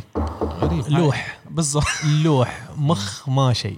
لما يسكر بيسكر الإيطالي. ما عنده. مزح. حتى ليش ليبي ما هو كمان كان يجلطنا بكم من مباراة يعني خلينا نهائي الحمد لله كان يجلطنا بس بالنهائي. ليبي داهية ليبي داهية. شكرا. ما هو فوتنا بداهية بال- بالنهائيات اللي ليبي لعبهم داهية يعني ما ما يقارن بكابيلو ابدا. أربع نهائيات أوروبية الحمد لله. الحمد لله. الحمد لله. خمسة. أربع أربع نهائيات خسرانين. ثلاثة ما هو لعبنا معه خمسة هي فاز بواحدة. فاز فوز فاز بوحده ترى أربع نهايات خسرانين. الحمد لله رب يعني- العالمين. داهية داهية. الحمد لله. لا داهية نعم طيب عبد العزيز نختم من عندك. كلام أخير أو تحكي على المباراة على الجمهور علي أنا. اللي بدك إياه. أم، ما في أكثر من كذا يزيد صراحة. يعطيكم العافية. يمكن أرجع وأعيد. ما ودي أمجد كثير في ال- في اللي صار في هذه المباراة واللي سواه ساري ولكن أنا أشوف في بوادر إيجابية. وجت من ثلاث مباريات زي ما ذكرت ذكر الشباب إنه هو تعودنا إنه دائما يلعب نفس الأسلوب 4 3 3 مجرد إنه استوعب إنه عنده لعيبة ما ينفعون هذه ينفعون له اسلوب أفضل غير التشكيلة وبدأ يعتمد على 4 3 1 2 فهذه كلها بوادر إيجابية إن شاء الله إن شاء الله إن الموضوع يستمر. ومع عودة آه، طبعا دوغلاس كوستا نشوف إيش ممكن يصير في التشكيلة مرة ثانية. ولكن يعني أنا م- بديت أتفائل بيوفي ساري. إن شاء الله يعني. أنا كمان بلشت اتفائل على العموم آه، شكرا كثير عبد العزيز آه، يعني نورتنا. وإذا بكرة طلع ما طلع القسم تاعك من- بالحلقة بكون آه، مهندس صوت شاله الله يعطيكم العافية. يلا حبيبي، وإن شاء الله بتكون معنا. لكم جميعا. الله يسعدك. وإن شاء الله بركي بس يكون عندك زيارة بدبي بنسجل حلقة مع بعض. إن شاء الله إن شاء الله. يعطيكم العافية. شكرا يلا حبيبي. يا هلا وسهلا. طيب شباب آه، شو حابين نكملوا؟ شو حابين تكملوا أنتم هلا بال آه، بال بشوف في في شيء إحنا حابين نحكيه قبل ما ندخل على على أسئلة الجمهور. وطبعا إحنا ما ننسى انه اليوم في عنا إعلان الفايز الفايزين. ما اليوم بتعلنون عن الفايز اليوم؟ أكيد أنا إن شاء الله يا رب. أنا أدعوني أنا. أنا كنت بعطيك إياها بس مقاسك الحمد لله مش medium زي أبى شارة كابتن. راضي راضي, آه، راضي. شوف أنا بس عشان أحكي لك شغلة. هلأ أنا آه، في إجاني كم واحد بيعرفوني كله صار نايف. أنا مقاسي medium أنا مش عارف شو. أنا طب أنا مقاسي مش medium باخذ شارة الكابتن. أنا للأسف بهالشغلة سيء. الأشخاص اللي بيعرفوني ما بيطلع لهم شيء أنا والله ابن خالتي بيجي بيقول لي نايف أنا مقاسي medium وجاي على مقاسي وأنا بحب البلوزه قلت له حبيبي أنا آسف والله هاي إحنا عاملين هدية. قال والله بشارك وبعمل like يعني قلت له شو أعمل لك أنا الصراحة. طيب آه، حابين نضيف أي شيء قبل ما ندخل مع أسئلة الجماهير يا شباب؟ لا ندخل على أسئلة الجماهير. خلينا نبلش هلأ من آه، ابو راشد ال- المايك معك. السلام عليكم ورحمة الله وبركاته. مرحبا بعشاق اليوفي في كل مكان. مداخلتي اليوم عن ديربي إيطاليا الكبير بين اليوفي والإنتر. شفنا اليوفي يقدم أداء جميل ومذهل في مباراة رائعة ومثيرة استمتعنا جميعا فيها. ديربي أثبت اليوفي علو كعبه دائما وأبدا على الإنتر أثبت على أنه قادر على هزيمته في كل مكان وفي أي زمان على ملعب اليوفي سواء أو على ملعب جوزيبي مياتزا. آه، بشكل عام اليوفي يثبت دائما أن كلما أرادوا سقوطه فاز وكلما حاولوا إيقافه تعثروا. آه، بشكل عام نقاط ثلاث ثمينة وجميلة. مبروك لعشاق اليوفي hard luck لعشاق الانتر أخوكم فهد راشد الكلباني. ليش يا فهد تتمنى لهم hard luck؟ شو بدنا فيهم؟ إحنا إحنا قلنا بجماعتنا بس. آه، فهد آه، يعني اختصر ال- السيناريو اللي صار في المباراة نشكر على المداخلة. في طبعا عندنا مداخلة آه، واحد يعني للأسف طويلة لكن نجبر نحطها غصبا علينا. ما مشكلة بن- بنعمل لك cut مهندس صوت بزبطنا. طبعا هاي بتسجيل عبد الرحيم مسعود. لا حول ولا قوة إلا أبو بالله يوسف تحياتنا له.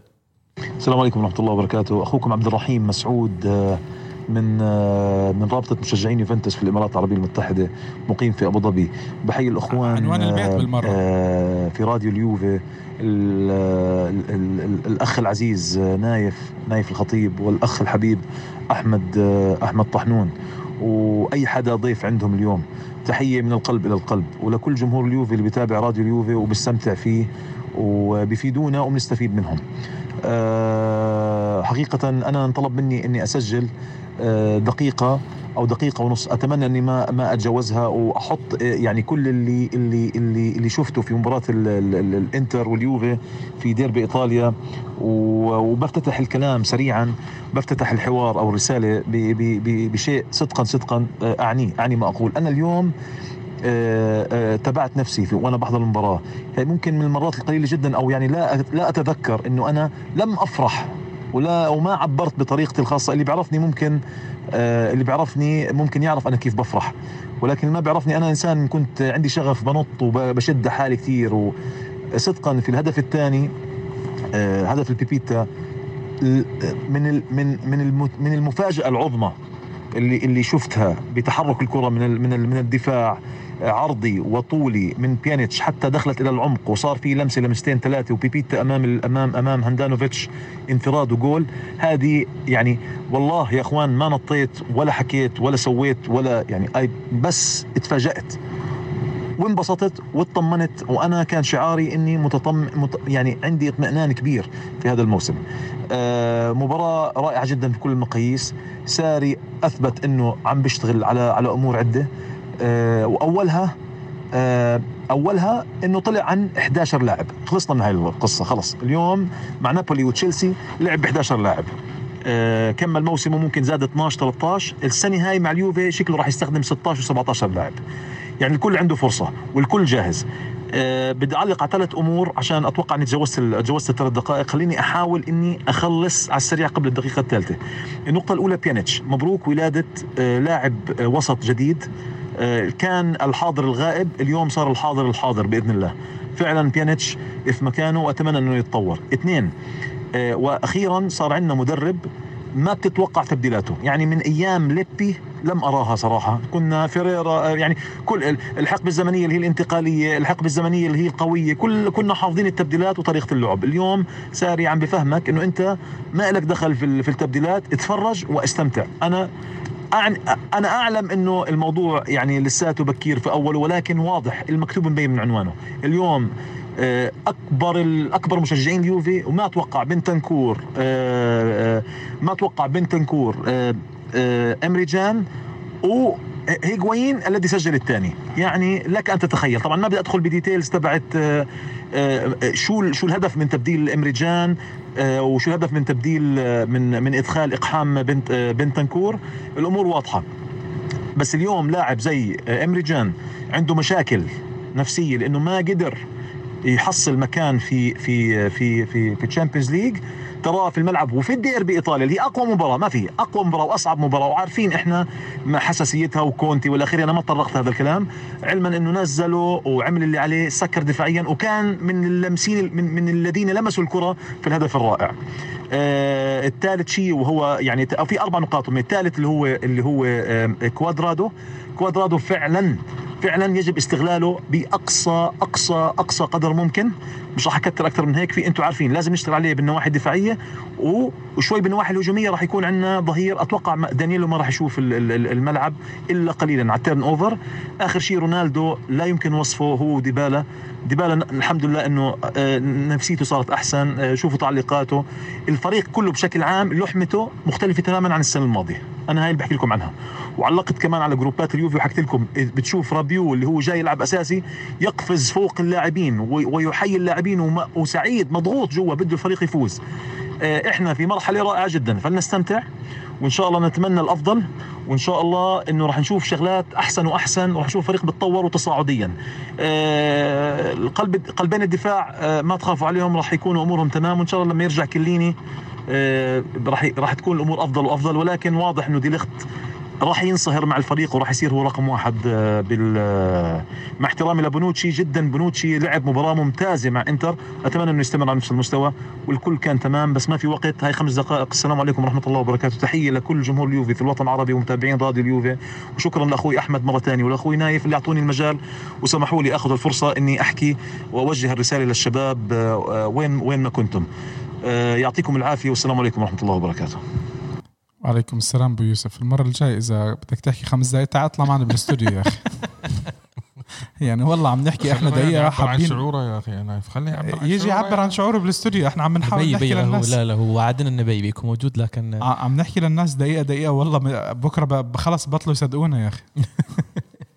آه، كفى ووفى أبو يوسف. يعني تكلم في نقاط وايد مهمة عن ال- الدور الساري في الفريق وتغييراته و- والجو العام في الفريق يعني صار الجميع الكل, الكل يبي ينافس على المركز آه، سواء حتى برابيو مثل ما قال رابيو اللي ما يحصل ما حصل دقائق كثيرة في الملعب شفناه من الناس اللي على طول خبيو الله غبيو. يخليك إحنا ثقافتنا في فرنسا إيه. فرنسا وشفناه من الناس شوف اللي راح يركض واحتفل ونط على اللعيبة آه، أمري تشان ومسألة الاستبعاد من دوري الأبطال وقائمه دوري الأبطال دخل الملعب وقاتل ويبغى يثبت نفسه على عسى ممكن في شهر واحد آه، يقدر يخطف مكان الله أعلم. آه، بعد فترة مش- ممكن تشوف أمريكان حتى في مركز التشكيل الأساسي اذا إذا قدر يثبت نفسه. مع الموسم الطويل الله أعلم يعني الإصابات. وما إصابات و... بكره له. أكيد بيحطه هو. ليش أنت قررت خضيرة يعني, يعني قلنا اذا إذا. أي حدا ممكن ينصاب يا أخي. يعني المهم، لا يعني لا هو مش إصابة خضيرة ممكن حتى ممكن يقدر يخطف مكان خضيره يعني بغض النظر بس إنه مش ضروري أنا حدا أنا ينصاب أنا يعني. أنا أنا, أنا قلت آه، اللي آه، اللي بي الريال اللي يثبت نفسه في في التدريب ويخطف مركز متويدي اللي متويدي يجبر أي مدرب في العالم إنه يحطه في التشكيل الأساسي آه، صحيح اللاعب ضعيف فنيا ضعيف مش اللاعب المهاري لكن لاعب ممكن أكثر لاعب يركض في الملعب وأكثر لاعب يقطع كورة في الملعب وأكثر لاعب ي- يعني أنت اسلوبك هجومي بحت فمحتاج واحد يركض ويقدر يغطي مساحات اللي تتركها في الخلف. الم- المهم مين شعراته أحلى هذا هو المهم. اللي بعده. اللي بعد أنا خ... آه، السلام عليكم ورحمة الله وبركاته. ومعكم أخوكم تركي من السعودية. أمسي عليكم بالخير وحاب أتكلم عن آه، ديربي إيطاليا. مباراة إنتر يوفي. مباراة تاريخية لا شك. لكن من سنوات ما شفنا هذا الشحن النفسي والإثارة اللي كان قبل المباراة. صراحة كانت آه، مباراة جميلة جدا جميلة جدا من الطرفين سواء إنتر أو يوفي يعني امتعونا بالقمة. آه واللي حاب اشيد فيه ساري الصراحة. تعامل مع القمة يعني بذكاء تعامل بذكاء. وساري قاعد إلى الآن الاختبارات اللي آه آه توجه له قاعد يثبت وجوده وقاعد يثبت وجوده الصراحة. يعني أي مباراة يتعامل فيها بشكل آه طيب. خصوصا من ناحية التبديلات فهم الفريق. حاسس إنه بدأ الآن يستوعب الفريق وبدأت لمسات ساري تظهر وتوضح جلية على الفريق. وشكرا. تعليق أيمن. كلامه صحيح وأنا معاه في كل كلمة إنه فعلا ساري هو نجم المباراة هذه. والله إشادة لساري. بصراحة يعني آه، أنا يعني ما بدي أقول أنا مش مقتنع بساري بس إنه يعني شوي يمكن انت تعشمنا. فيك فيك مخلفات ما عندك طيب مخ... عندك عندك عندك مخ... مخلفات العفن طيب العفن الذكر. العفن العفن الكروي اللي كنت تشوفه معذور. عفن عفن كنت تشوف. أنا كنت أقول حق الشباب ما اشتقتوا حق العفن؟ يا أخي يا جماعة كنا نشوف عفن. ما قلنا قلنا لكم نحن في زحام من النعم حاليا. عفن الحين عفن, عفن. الحمد هو هو. هو ما زال. الحين لازم نشوف. نطهره ما نطهر عليك ما نايف نحطه في ديتول. وننظفه ونطلع من ما العفن اللي كان عايش فيه. لا. حول ولا قوة إلا بالله. السلام عليكم ورحمة الله وبركاته. مساكم الله بالخير إخواني الأعزاء الأخ نايف والأخ أحمد وإخواننا المستمعين أخوكم محمد السعيدي من دولة الكويت. مباراة يوفنتوس والإنتر كانت من أجمل مباريات اليوفنتوس في هذا العام. وأثبت الفريق أنه في كل مباراة يتشرب أسلوب ساري أكثر فأكثر. المباراة منذ بدايتها إلى نهايتها اليوفنتوس استحوذ عليها. بالضغط العالي بالتمريرات القصيرة بالهجمات بالاستحواذ في كل شيء. يعني وكأن المباراة على أرض اليوفنتوس وليست على أرض إنتر ميلان. آه، في هذه المباراة يعني أظهر ديبالا وأكد ديبالا أنه أفضل شريك لكريستيانو رونالدو في خط المقدمة. هنالك تفاهم كبير بين اللاعبين. كذلك يعني أثبت بيانيتش أنه لاعب من الطراز الفريد جدا وأن مستوياته في المواسم الماضية يعني كانت ترجع إلى تعليمات المدرب السابق إلا أن وجود آه، موريسيو ساري حرر بيانيتش كثيرا في هذا المكان. وكذلك أعلق على خط الدفاع آه، بونوتشي وكذلك ديليخت آه، بدأ التفاهم يظهر أكثر فأكثر. إلا أن هنالك بعض الأخطاء ال- التي أخطأها آه، ديليخت وهذا أمر طبيعي كونه لاعب شاب وجديد على الدوري الإيطالي ومع توالي المباريات سوف يكون أفضل آه، وأفضل بإذن الله. بونوتشي مستوى ثابت ومستوى تصاعدي منذ بداية الموسم يعني أثبت للجميع أنه مدافع من الطراز العالي وأنه يستحق آه، أن يكون قائد اليوفنتوس وأنه كذلك يعني عوض غياب كليني أفضل تعويض. المباريات القادمة سوف تكون أفضل وكلما يمر أسبوع سوف يكون يوفنتوس مغاير تماما عن الأسبوع الذي سبقه شكرا لإتاحة الفرصة. شكرا يا محمد. بدك تضيف شيء عليه يا محمد؟ ما شاء الله يعني غطى ال- كفى ووفى ما شاء الله يعني في في كل في كل كلمة قالها يعني. تكلم عن بونوتشي و- ودور القيادي لبونوتشي طيب خلينا ناخذ المداخله اللي بعديها. السلام عليكم ورحمة الله وبركاته. يا راديو يوفي. آه، طبعا وياكم أخوكم آه، مهند أبو عمر. الحديث عن لقاء اليوفي والإنتر يمكن يحتاج إلى أكثر من ساعة أو حتى لعشر ساعات. آه، اليوفي قدم مباراة عظيمة مباراة مباراة بأسلوب ساري مباراة كما أرادها كل يوفنتيني من سنوات. مباراة جعلت الجميع يقتنع بيوفي ساري الجميع دون استثناء. من بداية المباراة من ال center اليوفي يرجع الكرة للخلف وبدأ بالهجوم بسبع ثمان لاعبين على دفاع الإنتر كطريقة جديدة لل center. دفاع الإنتر المتهالك دفاع الإنتر الذي أرهق بسبب رونالدو وديبالا. ديبالا قدم مردود للجميع مر- مردود جميل وسجل هدف. آه، رونالدو قدم أفضل مبارياته دون دون أن يسجل. كاد أن يسجل الثاني من آه، كرة في العارضة. واحدة من أجمل مباريات رونالدو التي لم يسجل فيها. اليوفي آه، استخدم بيانيتش كما يريد ساري. استخدم بيانيتش بنسخة مطورة من جورجينيو. نسخة دفاعية هجومية. نسخة من بيانيتش تمرير عرضي تمرير طولي صناعة أهداف. آه، بيانيتش قدم كل شيء جميل في كرة القدم. آه، الشوط الثاني آه، ساري آه، شاف أن وسط اليوفي أرهق. أخرج خضيرة أدخل بنتنكور. بنتنكور للأسف ما أجاد الدور اللي كان يقوم فيه خضيرة. اضطر ساري آه، يخرج ديبالا وأشرك آه، بنتنكور في مركز صانع اللعب. وعلى فكرة بنتاكور في كأس العالم كان يلعب كصانع لعب وأبدع في هذا المركز. إمري كان عند نزوله أنهى كل الأمور. اليوفي سيطر وكاد ممكن يسجل اليوفي الثالث والرابع. النتيجة التي كانت ستكون مرضية للجميع على الأداء الذي قدمه اليوفي. أنا أشوف 2-1 نتيجة غير مستحقة. مفروض أربعة ولا ثلاثة. هي النتيجة التي كان يستحقها كل يوفنتيني مباراة ما نقدر نقول أكثر عنها لأن الجميع الجميع ما شاء الله يشيد باليوفنتوس. إن شاء الله تكون بداية انطلاقة يوفنتوس أوروبي عظيم جديد. يتمناه الجميع. تحياتي لكم اخوكم بعمر. شكرا يا أبو عمر. آه، وعدتنا تيجي عنا ضيف بال بالاستوديو بس آه، ما بدك تيجي شكلك الحمد لله. كفى ووفى أبو عمر. يعني آه، بتكلم عن أكثر من نقطة نقطة بنتنكور وتوظيفه في مركز اللاعب صانع الألعاب تحت المهاجمين اللي سووا فيه assist ودخل في مشاركة حلوة ال one touch بينه وبين بينه وبين هيغوايين وكريستيانو رونالدو وانتجت فيها هدف ال- ال- الفوز. آه، أنا على فكرة كنت كتير سعيد بجول هيجوين مش بس لأنه جول فوز وشي زي هيك بس أنا يعني هيجوين آه، لاعب قدوة للاعبين كرة القدم بصراحة. إحنا هيجوين عملناه بأسلوب آه، سيء جدا صراحة. سيء. ما حدا يقعد يغاوز للإدارة أو شيء زي هيك. ومع هيك اللاعب أثبت إنه هو فعلا professional بعالم إحنا قاعدين عم نحكي إنه ال ال الانتماء راح والولاء راح وشي زي هيك قرر إنه هو يجتهد ويثبت وجوده وعم نشوفه إحنا بكل مباراة عم بيتحرك بطريقة كويسة وعم بيلعب بمستوى حلو. حتى تصاريحه لما قال قال كان أسعد أيام حياتي عشتها يعني ارتحت نفسيا لما لعبت في اليوفنتوس. قال أنا رحت ميلان بظروف ورحت تشيلسي وضعت عشت في في في أزمة نفسية كبيرة. وقال أنا أنا كنت رافض إني أطلع وبغيت إني ألعب هني وأثبت نفسي واني أنا قد إني ألعب في في فريق مثل اليوفنتوس يعني الهيجوايين بصراحة يستاهل الإشادة.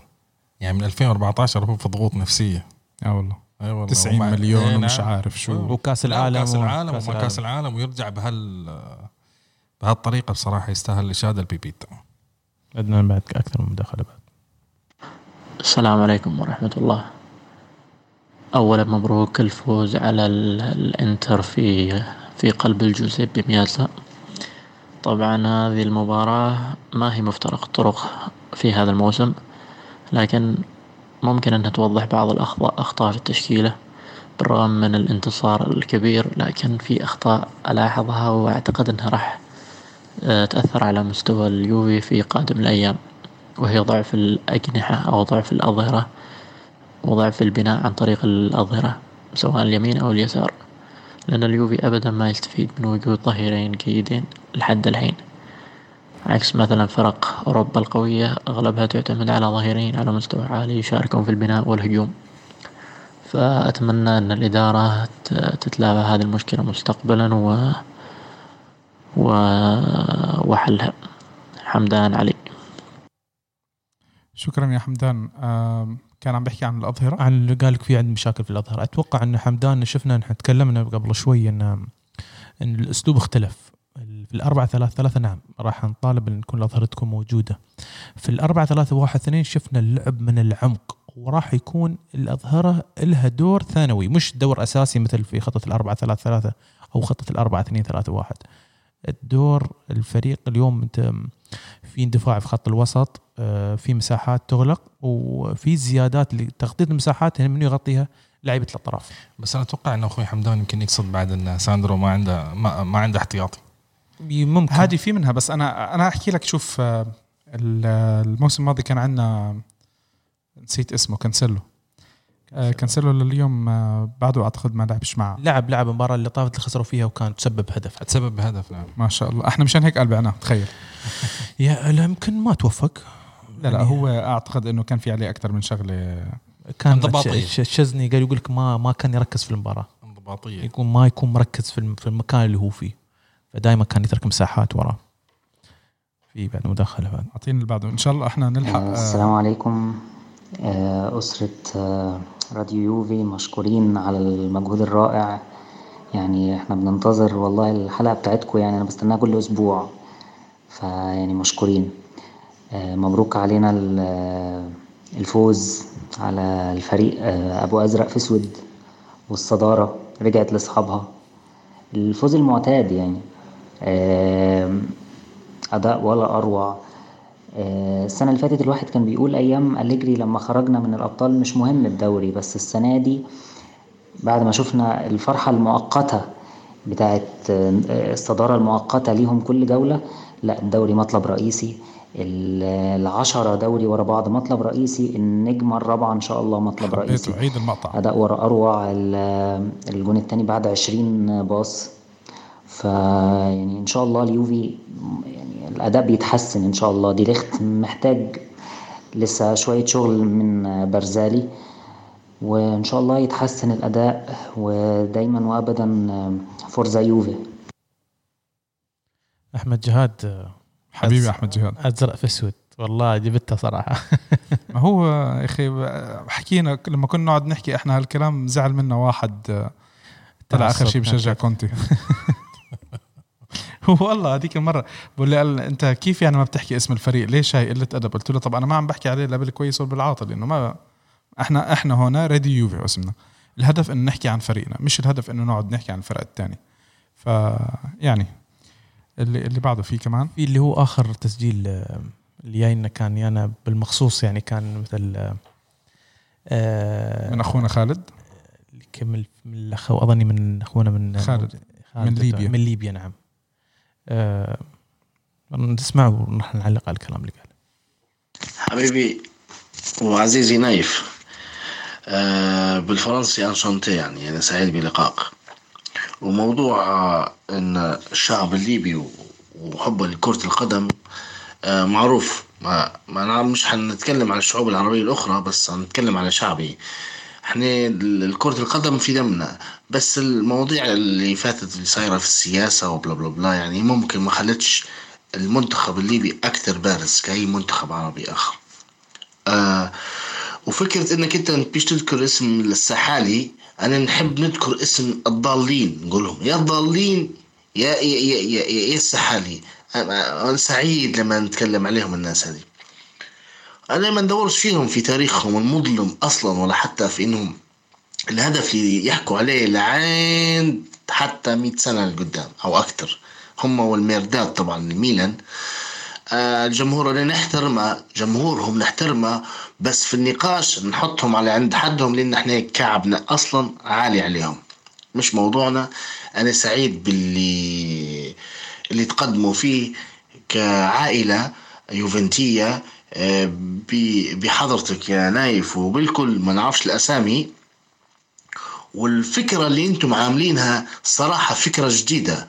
لا ال beIN Sport ولا أي حتى قناة رياضية عالمية كانت مش حتى عربية فكرت في الفكرة هذه. هي تحليل كرة القدم بعيون الجماهير. يعني ممكن الجمهور آه، ما عندهاش الخبرة مثل المحللين الرياضيين وكان مثلا المحللين نصهم لاعبين كرة قدم أو نص الثاني يكون مدربين أو خبراء كرة قدم أو مثلا دارسين كرة قدم لأن أصبحت كرة القدم مدرسة يعني تدرس في المدارس. آه يعني بس الجديد والحلو اللي عاملينه أنتم يعني آه قناة أو راديو أو أي شيء تسميه اسمه مثلا آه، تحليل بطريقة بسيطة بطريقة الجمهور. يعني زي ما يقول آه، قبل الصحفيين يقول لك كلام صحف أو كلام مقاهي. عارف أنت كلام المقاهي؟ هذا تحليل تحليل بعيون الجماهير. حلوة يعني. يعني أنا فيه ال- ممكن من لهجتك أنت تكون لبناني ما نعرفش. في هذا ال- اللبناني اليوفنتيني أنا اسمه ما ما ما, ما, والله الاسم رايح مني عنده قناة محلل باكثر اللي يحلل في كرة القدم هو يوفنتيني. يعجبني المحلل هذا آه، مع إنه هو مش خبير ولا إنه معروف بس هو الراجل عامل قناه لنفسه. أنتم الفكرة هذه عاملينها بطريقة مبدعة الصراحه أنا عجبتني ونتبع فيكم أكثر من مرة. آه، أنا عامل مثلها بس في غرفة واتساب. مع إخوة عرب من جميع الوطن العربي من جميع عشاق الجوفنتوس في كل الوطن العربي. تحية إلك عزيزي نايف. صراحة إلى استمروا إلى الأمام يعني شيء مبدع شيء جميل اللي تعملوا فيه. إلى الأمام أخي. وما نعرفش يعني ما, ما, ما أكثر من هيك نقدر نقول لك بس شيء رائع وجميل الصراحة آه. بصراحة هاي المداخلة إجتني من فترة وأنا تأخرت إني أشارككم فيها وصدفت إنه سبحان الله حكى فيها عن آه عن فريد. أنا بحبش أحكي اسمه. آه يعني هاي هاي مجموعة من من الكلام الطيب اللي أنا بسمعه منكم. إحنا بصراحة يعني ال- الكلام الطيب اللي بنسمعه اللي بيمدح في بالراديو اللي إحنا عم نقدمه بال بال بالمجهود اللي عم بيقدموه الشباب آه، يعني إحنا الشباب في أشياء ناس يمكن ما بتعرفها بس إحنا طبعا كلياتنا بنشتغل و... وإحنا بنوصل لمكان شوي بعيد عن شغلنا ففي شباب مشان هيك مش دائما عم بيكونوا معنا بتسجيل الحلقات ولا الكل متمني إنه إنه تزبط معه. إلا للأسف براشد دائما طالع بخلت يعني الله يكون بالعافية. لا مجهود يذكر فيشكر يا نايف صراحة. الله يعطيكم العافية والله. الله يعافي الجميع صراحة. يعني بدون استثناء جميع الشباب اللي طلعوا معي آه، مركز شباب الشارقة وأخوي آه، أبو علي. أخوي أبو علي واحد من الناس اللي اللي كتير آه، ساعدونا ب- ب- ببداية الموضوع. يعني أبو راشد بيعرف إنه أنا قد إيه كنت آه، ناوي إنه نعمل حتى برنامج من الأول وتأخرت أنا لأكثر من سبب. ولولا دعم مركز شباب الشارقة وأبو راشد والكلام الطيب اللي عم نشوفه والتفاعل الممتاز اللي عم نشوفه بال social تفاعل ميديا تصدقني يا نايف نحن لولا تفاعل اعيد واكرر لولا تفاعل الجمهور والمستمعين ما كنا نكمل لليوم. الكلام الطيب اللي نسمعه حتى الانتقادات انتقادات نحن نسمعها ونحاول نطور من نفسنا. انتقادات بناءة طبعا نحن في ملاحظات نحن لولا ما ما نشوف ملاحظات ممكن نحن ما نطور نفسنا ممكن نحن ما كنا كملنا. آه هذا ال ال ال هاي الفترة وهاي الحلقات الطويلة اللي قاعدين نحن نسجلها.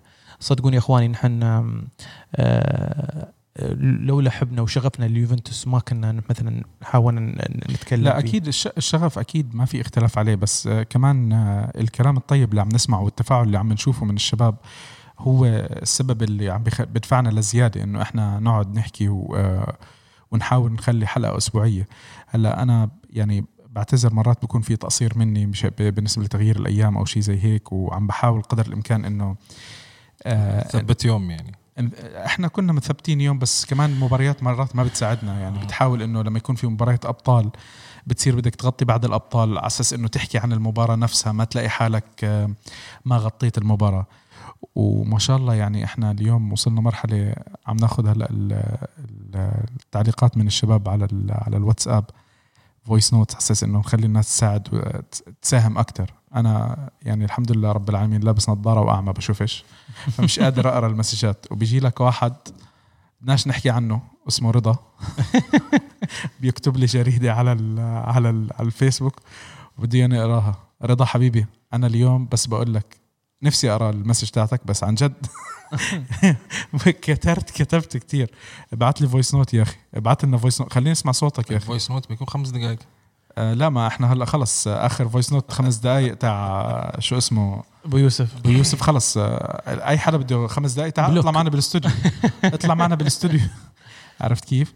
هلا بدي ادخل أنا على آه، مساهمات بسيطة من ال من ال من آه، آه، تويتر.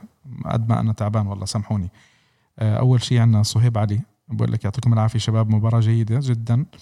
أول مرة أستمتع وأرى يوفي يلعب بأسلوب مفهوم. بيانيتش كان ممتاز لأول مرة. تحسن إنه لا بتحس إنه لاعب. صراحة رؤية برنارديسكي وماتويدي وخضيرة مؤذية للعين بغض النظر عن مجهود ماتويدي عجبني ساري بتبديلاته الجريئة. أتمنى الاستمرار على هذا النهج وعدم التراخي. وشكرا. آه، استمرار على هذا ال- ال- النهج لنا بالراديو ولا لساري يا صهيب؟ أظني حق ساري اظن آه،. إحنا من مساكين إحنا مساكين. حبيبك إبراهيم بقول لك أسعد الله صباحكم شباب. إحنا صرنا مساء بس يلا. سؤالي عن ردة فعل اللاعبين اليوفي هيغوايين ديبالا حتى أمريكان مع الفريق ممتازة رغم تعامل الإدارة الجاف معهم بداية الموسم. هل راح نشوف مانزوكيتش ب آه، بفورمة مختلفة لو تم الاستعانة فيه مستقبلا؟ أعتقد مسألة هيغوايين وديبالا وكانوا هم راح كان المفروض أن يسوقون لاعب واحد فاضطروا انه خلاص انه آه، تنازلوا عن مانزوكيتش آه، أقل الخسائر يعني في الوقت لا بس. مانزوكيتش كان لأنه في آه، كان في عم بد... آه، الاحتمال إنه هو ينتقل فكان الحكي إنه هو عم بيتفاوض مع أيوة نادي نعم. بغ- ب- بقطر بس إيه. حتى لو استعانوا فيه آه، أعتقد خارج آه، المنظومة عادي يعني بالدوري. محترف لاعب محترف آه، يعني أعتقد يعني لكن أنا أعتقد إنه هو خارج المنظومة خارج المنظومة خارج خارج, المنظومة. بس إذا خارج- بتحتاجه أكيد أحسن لك ما تجيب حدا من البريمافيرا يعني. بس أعتقد آه، ساري آه، ما يبغى يوصل هالمرحلة بأي طيب. طريقة كانت. لأن عن- حتى حتى في ال- ما يستدعيه يعني ولا مباراة استدعاه. عندنا هلأ آه ال- العزيز آه كمان أنا بعرفش اقرا اسمه. يا جماعة ابعتوا لنا voice notes والله ريحونا. سلافي بيت. ما مش عارف أنا اسمك صح. أنا والله آسف يا أخي بس آه بقول لك شكرا لكم. بخصوص برناردسكي هل صحيح أن ساري دفع به مكان رمزي فقط من أجل إزعاج بروزوفيتش؟ هاي نقطة انحكى فيها صراحة إنه أكثر من واحد علقوا عليها إنه هو كان مزعج أتوقع. لبروزوفيتش لماذا يتم لم يتم إقحام رابيو مكان بيرنا وما هو تقييمكم لأداء ساري؟ ساري إحنا حكينا عنه أعتقد الشباب ما قصروا فيه يا سلافي ولماذا لم يتم إقحام رابيو؟ شو رأيك يا أبو راشد؟ أعتقد انه لو كان في مشكلة في التغييرات راح ننتقد لكن أعتقد إن التغييرات يعني جابت ثمارها آه، هيغواين تسجل صنعت آه، بنتنكور اللي دخل بديل وايمري تشان اللي كان قتالي في آخر عشر دقائق. أنا أشوف إن ساري أصلا رابيو يقول إنه يبغى له وقت تأقلم. وفوق هذا كله الشهر ثلاثة؟ لا لا مش شهر لا، لا. ثلاثة ما هي شهر ثلاثة. وفوق هذا كله رابيو بيكون بديل ماتويدي. يعني إحنا هذا نتوقع ان ساري. وخضيرة يعني إذا ماتويدي مش. موجود أنا أنا قلت الكفو يقدر ياخ يسرق إيه آه، ياخذ ياخذ مكان متويدي أو. مكان خضيرة طيب عندنا مشاركة من شخص اسمه من متابع انه اسمه مصطفى مصطفى أنا أول شيء زعلان منك حطيت لي صورة مانشستر يونايتد بس يلا ما مشكلة آه، الاقي الرايح عندهم فيمكن مشان. ممكن ممكن بيسألنا عن طباخ وكلام هذا فاضي لا الكلام. آه، صدق إنه بيروح عندهم صدق هلا آه، هو عم بيتعلم إنجليزي له من لما خلقنا. اي طبعا هو كل كل, اللي, كل سنة نفس اللي, السؤال. اللي شاف مؤتمر الصحفي يسالوه بيتكلم بالإنجليزي؟ لا حول ولا قوة قسم بالله. ضحكة. بس الله لا لا يفتح accent توسكاني باستا accent باكس باستا معلم. بقول لك آه، مصطفى أظن أن برناردسكي أخذ أكثر من فرصته ولم يبرهن على شيء كان مختفي وتنقصه الروح القتالية التي أظهرها ديبالا وهيغوين. ثانيا إمري جان رغم تهميشه في الدكة وإقصائه من الأبطال لنا دخل أظهر قتالية وأداء جيد جدا. ساندرو لا زال لا يعجبني. ظنيت أن كونتي سيرجع للخلف ويغلق كل شيء وساري آه، سيبني اللعب ببطء. ولكن سجل مبكرا وفاجأني لعب سر... آه، لعب سريع وهجومي وضغط بشكل رهيب.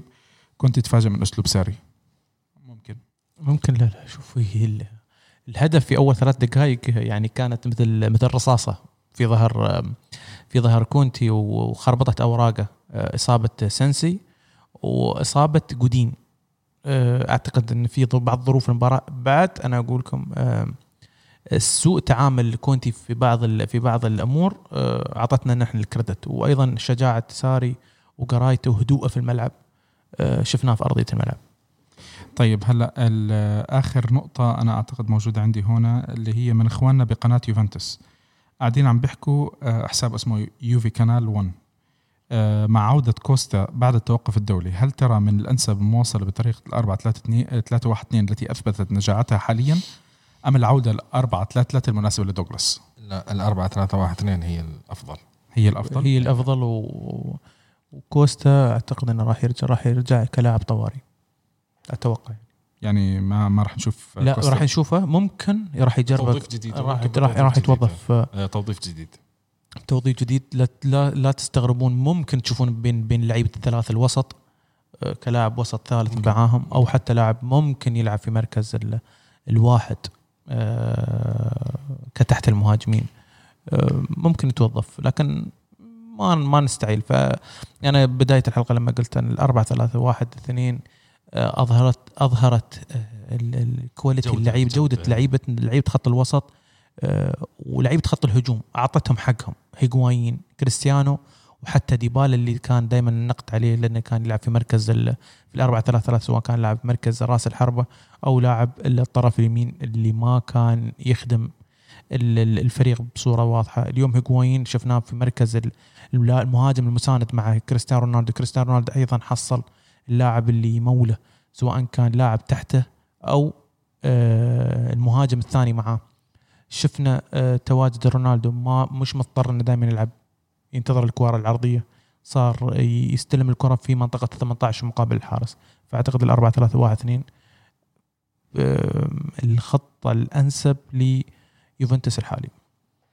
أيمن شو في عندك شيء تضيفه على على على المباراة؟ في شيء إحنا بدنا نضيفه في شيء إحنا نسيناه؟ في أي شيء زي هيك حابين نحكي فيه لا ما شاء الله ما شاء الله الشباب ما كفوا ووفوا. شكلك تعبت والله من الحلقة لا بالعكس. نطلع مليون حلقة مش حلقة واحدة. طيب هلأ إحنا عندنا ال- الفقرة الأخيرة فقرة فقرة الجائزتين. ال- للتذكير إحنا آه، عملنا آه، هديتين من من طاقم راديو يوفي. الهدية الأولى هي قميص آه، ديبالا مقاس medium. آه، لأنه ديبالا medium عشان صح صح صح صح. ملاحظة ملاحظة حلوة صراحة. هي ملاحظه جميلة بس ما جميلة تعيدها. لا تعيدها غالب- غالبا غالبا آخر حلقة. غ- غالبا آخر حلقة. طيب هلأ ال- بالنسبة هاي الشغلة الأولى والشغلة الثانية اللي هي شارة الكابتن. شارة كابتن كليني آه الخضراء اللي محطوط عليها آه آه رقم ثلاثة. رقم رقم ثلاثة محطوط عليها محطوط عليها رقم ثلاثة اللي هي شارة الكابتن تاعت كليني. طيب أنا هلأ اللي ال- الفايزين اللي رح نعلن عنهم. آه، إحنا آه، يعني أتمنى إنه الكل آه، يعني حظا موفقا للي للي شاركوا وإن شاء الله راح يكون في عندنا جوائز تانية لقدام. في عندنا إحنا آه، لقدام قبل ما أنا أعلن اسم الفايز آه، عندنا لقدام راح يكون في آه، في جائزة راح تكون تذكرة لمتابعة مباراة تذكرتين لمتابعة مباراة. غالبا راح تكون إما مباراة أودينيزي أو مباراة ساسولو. والمباراتين راح يكونوا بشهر 12 فراح يكون فرصة ل طبعا بملعب اليوفي. راح يكون فرصة للجميع اللي اللي بده يدخل بال- بالجائزة بال- اللي بيربح الجائزة. راح نعلن عنها إن شاء الله قبل بشهر من المباراة على أساس إنه آه، يكون في فرصة لل- للجميع. بالغالب رح نعمل نفس ما إحنا عملنا ل- لمباراة ل- للجائزة تاعت مباراة اليوم آه، تاعت آه، للجائزة تاعت اليوم. آه، فنفس الشيء إحنا رح نعمل فيديو وال- واللي بيشاركوا بهالفيديو هم اللي رح اللي رح يدخلوا ب بال- بالجائزة. طيب هلأ بالنسبة لل- للفايز الأول أنا راح أعلن اسمين راح أعلن اسمين والاسمين هدول هم اللي راح يكونوا الفايزين ويتواصلوا معنا على الخاص على أساس إنه آه نشوف إحنا كيف نرتبهم. لأنه مثلا آه نشوف كيف كيف راح نرتبهم وكيف إحنا ال- الجائزة لهم. هلأ أول إشي إحنا عندنا الجائزة الأولى للأخت هبة عبد الرحمن. الأخت هبة عبد الرحمن راح يكون لها الجائزة الأولى. وبالنسبة للجائزة الثانية راح تكون باسم آه راح تكون لأخونا آه، علاء علوان. آه، علاء علوان من تويتر. إحنا كمان إن شاء الله خلال بس تسمعوا الحلقة تواصلوا معنا على أساس إنه إحنا نرتب توزيع الجوائز لكم وبإذن الله رب العالمين راح نوصلهم نوصل الجوائز لكم لوين ما كنتوا. آه، بنهاية الحلقة اليوم حلقة اليوم إحنا بنتشكر مركز شباب الشارع اللي استضافتهم لنا بنحب نذكركم بحساباتنا على مركز وسائل التواصل الاجتماعي راديو يوفي بفيسبوك انستغرام تويتر آه، وإنست... وعلى واتساب. إحنا موجودين على رقمنا 00971 58 587 1897 الحلقات موجودة على Apple Podcast Google Podcast Spotify وأنغامي. آه، نتمنى لكم أسبوع فيفا سعيد. وآسف إنه أنا بذكركم. فيفا. يعني آه، شكرا إنك زدت الطين بلة زي ما آه. بيحكوا. وبدنا نحاول إحنا بركي الأسبوع الجاي بنعمل حلقة خفيفة اللي وعدناكم فيها نحكي فيها عن ال- الملعب وال والتذاكر وطريقه الحصول على التذاكر والروابط والقصص هيك بركي إن شاء الله إحنا بنرتبها خلال الأسبوع الجاي آه، حظ موفق لل- للجميع إن شاء الله بالتوزيعات الجاية اللي راح تكون آه، من الراديو وان شاء الله هاي راح تكون البداية وألف مبروك مرة تانية ل- للأخت هبة والأخ آه، علاء لا، علوان. علاء علوان. علاء علوان آه نتوا- راح نتواصل معكم إن شاء الله مشان تستلموا جوائزكم وشكرا ويعطيكم العافية